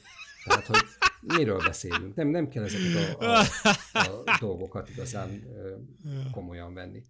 Tehát jó film volt, de, de nem, nem érte el a végtelen háborúnak a, a szintjét, de egyébként ennek ellenére az első néhányban ott a helye. Nekem két dolog van, ami, ami, ami kimondottan zavar a végjátékban, tehát ilyen momentum egyébként a végtelen háborúban nem volt. Szerintem te is tudod, hogy miről az egyiket legalábbis biztos, hogy, hogy tudod, és talán egyet is értesz benne. Ugye csináltak egy, egy snittet a, a női szuperhősöknek, csak azért, hogy megmutassuk, Igen. hogy a, a női szuperhősök, ami szerintem tökéletesen felesleges volt, kilóga a filmből. Amikor először láttam egy egyébként olyan szinten vitt a, a lelkesedés és a, a, a, az adrenalin, hogy, hogy ez fel se tűnt, de hát azóta már láttam vagy ötször ezt a filmet, és minél többször nézem, annál jobban zavar, akkor Marvel kapitány megkapja a, a kesztyűt a, a Peter Parkertől, és mondja Peter Parker, hogy hát hogy fogsz egyedül átmenni a, a többieken mint hogyha szüksége lenne a Marvel kapitánynak bárkire arra, hogy, hogy keresztül menjenek a hadseregen, de azért jönnek a nők, hogy na akkor majd mi itt vagyunk neki segítségnek, semmiféle szüksége nincs. Mm, a Mantis, mi a francot csinál a Mantis? Elaltatja a többieket? Vagy, tehát, hogy... és, és, és, igazából ez, ez egy, igen, mutassuk igen. meg, hogy milyen bedesz, bedesz eh, nőink vannak. Uh, bocs, bocsánat, elmúlt... még, még a végjátékhoz, még a felemelő pillanatokhoz tartozott, amikor kapitány felemelte a Mjölnirt. Így, ó, tényleg igazad van, de hát az ugye a nem, az az előtt volt, igen, igazad van, teljesen igazad van. És, és ennek ugye valamilyen szinten meg volt ágyazva, ugye az Age of ultron egy picit megmozdította, és akkor Thor is össze is húzta egy a szemöldökét. Um, itt a, talán elfejtettem befejezni, csak hogy ne legyen parlagon, az az, hogy ugye a, a Thor 3-ban ő elvesztette a fegyverét, de kapott egy olyan didaktikát az egész, hogy hát Thor igazából a fegyveré nélkül is rohadt erős, és ott van a villámisten. Majd a végjáték, és mi annyira viszont nem tetszett az Infinity War-ba, nyilván nagyon menőn nézett ki aztán az új kalapácsa, illetve ilyen fejszekalapácsa, tudom, meg az, hogy Groot is benne van, az is nagyon jó, meg aranyos, cuki, de, de igazából az egészet, amit ott a harmadik részben, mint didaktika, hogy neked nincs szükség fegyverre, Thor, mert így is rohadt kemény vagy, sőt, ö, azt így, így, így zárójelbe tették, és így mondták, hogy inkább mégiscsak kéne egy fegyver. Thor, hogyha lehetséges, akkor Thanos ellen kéne egy fegyver. Tehát, na mindegy. Meg hát az űrben nem tudom, hogy hogy vannak villámok, mert ahhoz kell szél, leve, ugye kell levegő, hőmérséklet, emelkedés, Tudományos dolgokat kér számon a, a bosszúálló filmen. Egyébként, hogy miért volt szükség a kalapács, én láttam TikTok videókat rajongókról, akik eredeti méretbe berendelték a, a, a mi, mi volt a neve? Vihartörő? Stormbreaker. Igen. igen. Tehát, me, me, meg, megvették a, a, az eredeti méretben a, a kalapácsot, és akkor unboxing, és azzal pózoltak, tehát hogyha más értelme nem volt, ez mindenképpen volt. Tehát ez, ez a női vonal, ez, ez gáz volt. Egyébként Pepper Potts, amikor vasember páncélban van, mindig kínos szerintem. Oh. Tehát á, béna. Arról nem is beszélve, hogy hát nem tudom, talán utaltak rá, hogy valahogy elmulasztották a Vasember három végén szerzett ilyen szuperhős képességeit, de, de hát nem, tehát igazából szu, szuperemberé vált Pepper Potts a Vasember három végén, és ezzel ugye későbbiekben nem kezdtek semmit, ez csak ilyen mellékes jegyzem meg. Illetve a másik, másik problémám, ez egy, egy apró jelenet volt, ugye amikor a, a, a Barton menekül a, a kesztyűvel, és találkozik Nebulával, és odaadja Nebulának a kesztyűt, mert azt hiszi, hogy ez a jó Nebula, de ez a rossz Nebula volt, és tehát annyit kell mondania, mikor odaadják ezt, hogy jaj, téged ismerlek, akkor ezt odaadom. Mint hogyha a hülye néző nem tudná azt, hogy azért adod oda neki, mert ismered és összekevered őket. Nem, ki kell mondatni, hogy én most összekeverlek téged a jó nebulával, és te a rossz nebulával. Tehát engem olyan szinten bosszantott, hogy ostobának néznek, hogy, hogy hát na, nagyon. Tehát ez, ez a két momentum volt, ami kimondottan kimondottan zavart ebbe a filmbe. Egyébként egy tök jó film volt, tök jó volt látni azt, hogy a, a kapitány az ilyen, nem tudom, párkereső csoportokban moderál, meg jó volt egyébként, tehát klassz volt. Na, kicsit tovább is nyúltunk időben, mint amennyire terveztem. Még mielőtt lezárjuk, most... a, te, a te személyes első és utolsó helyezettedet mondd meg még, légy szíves.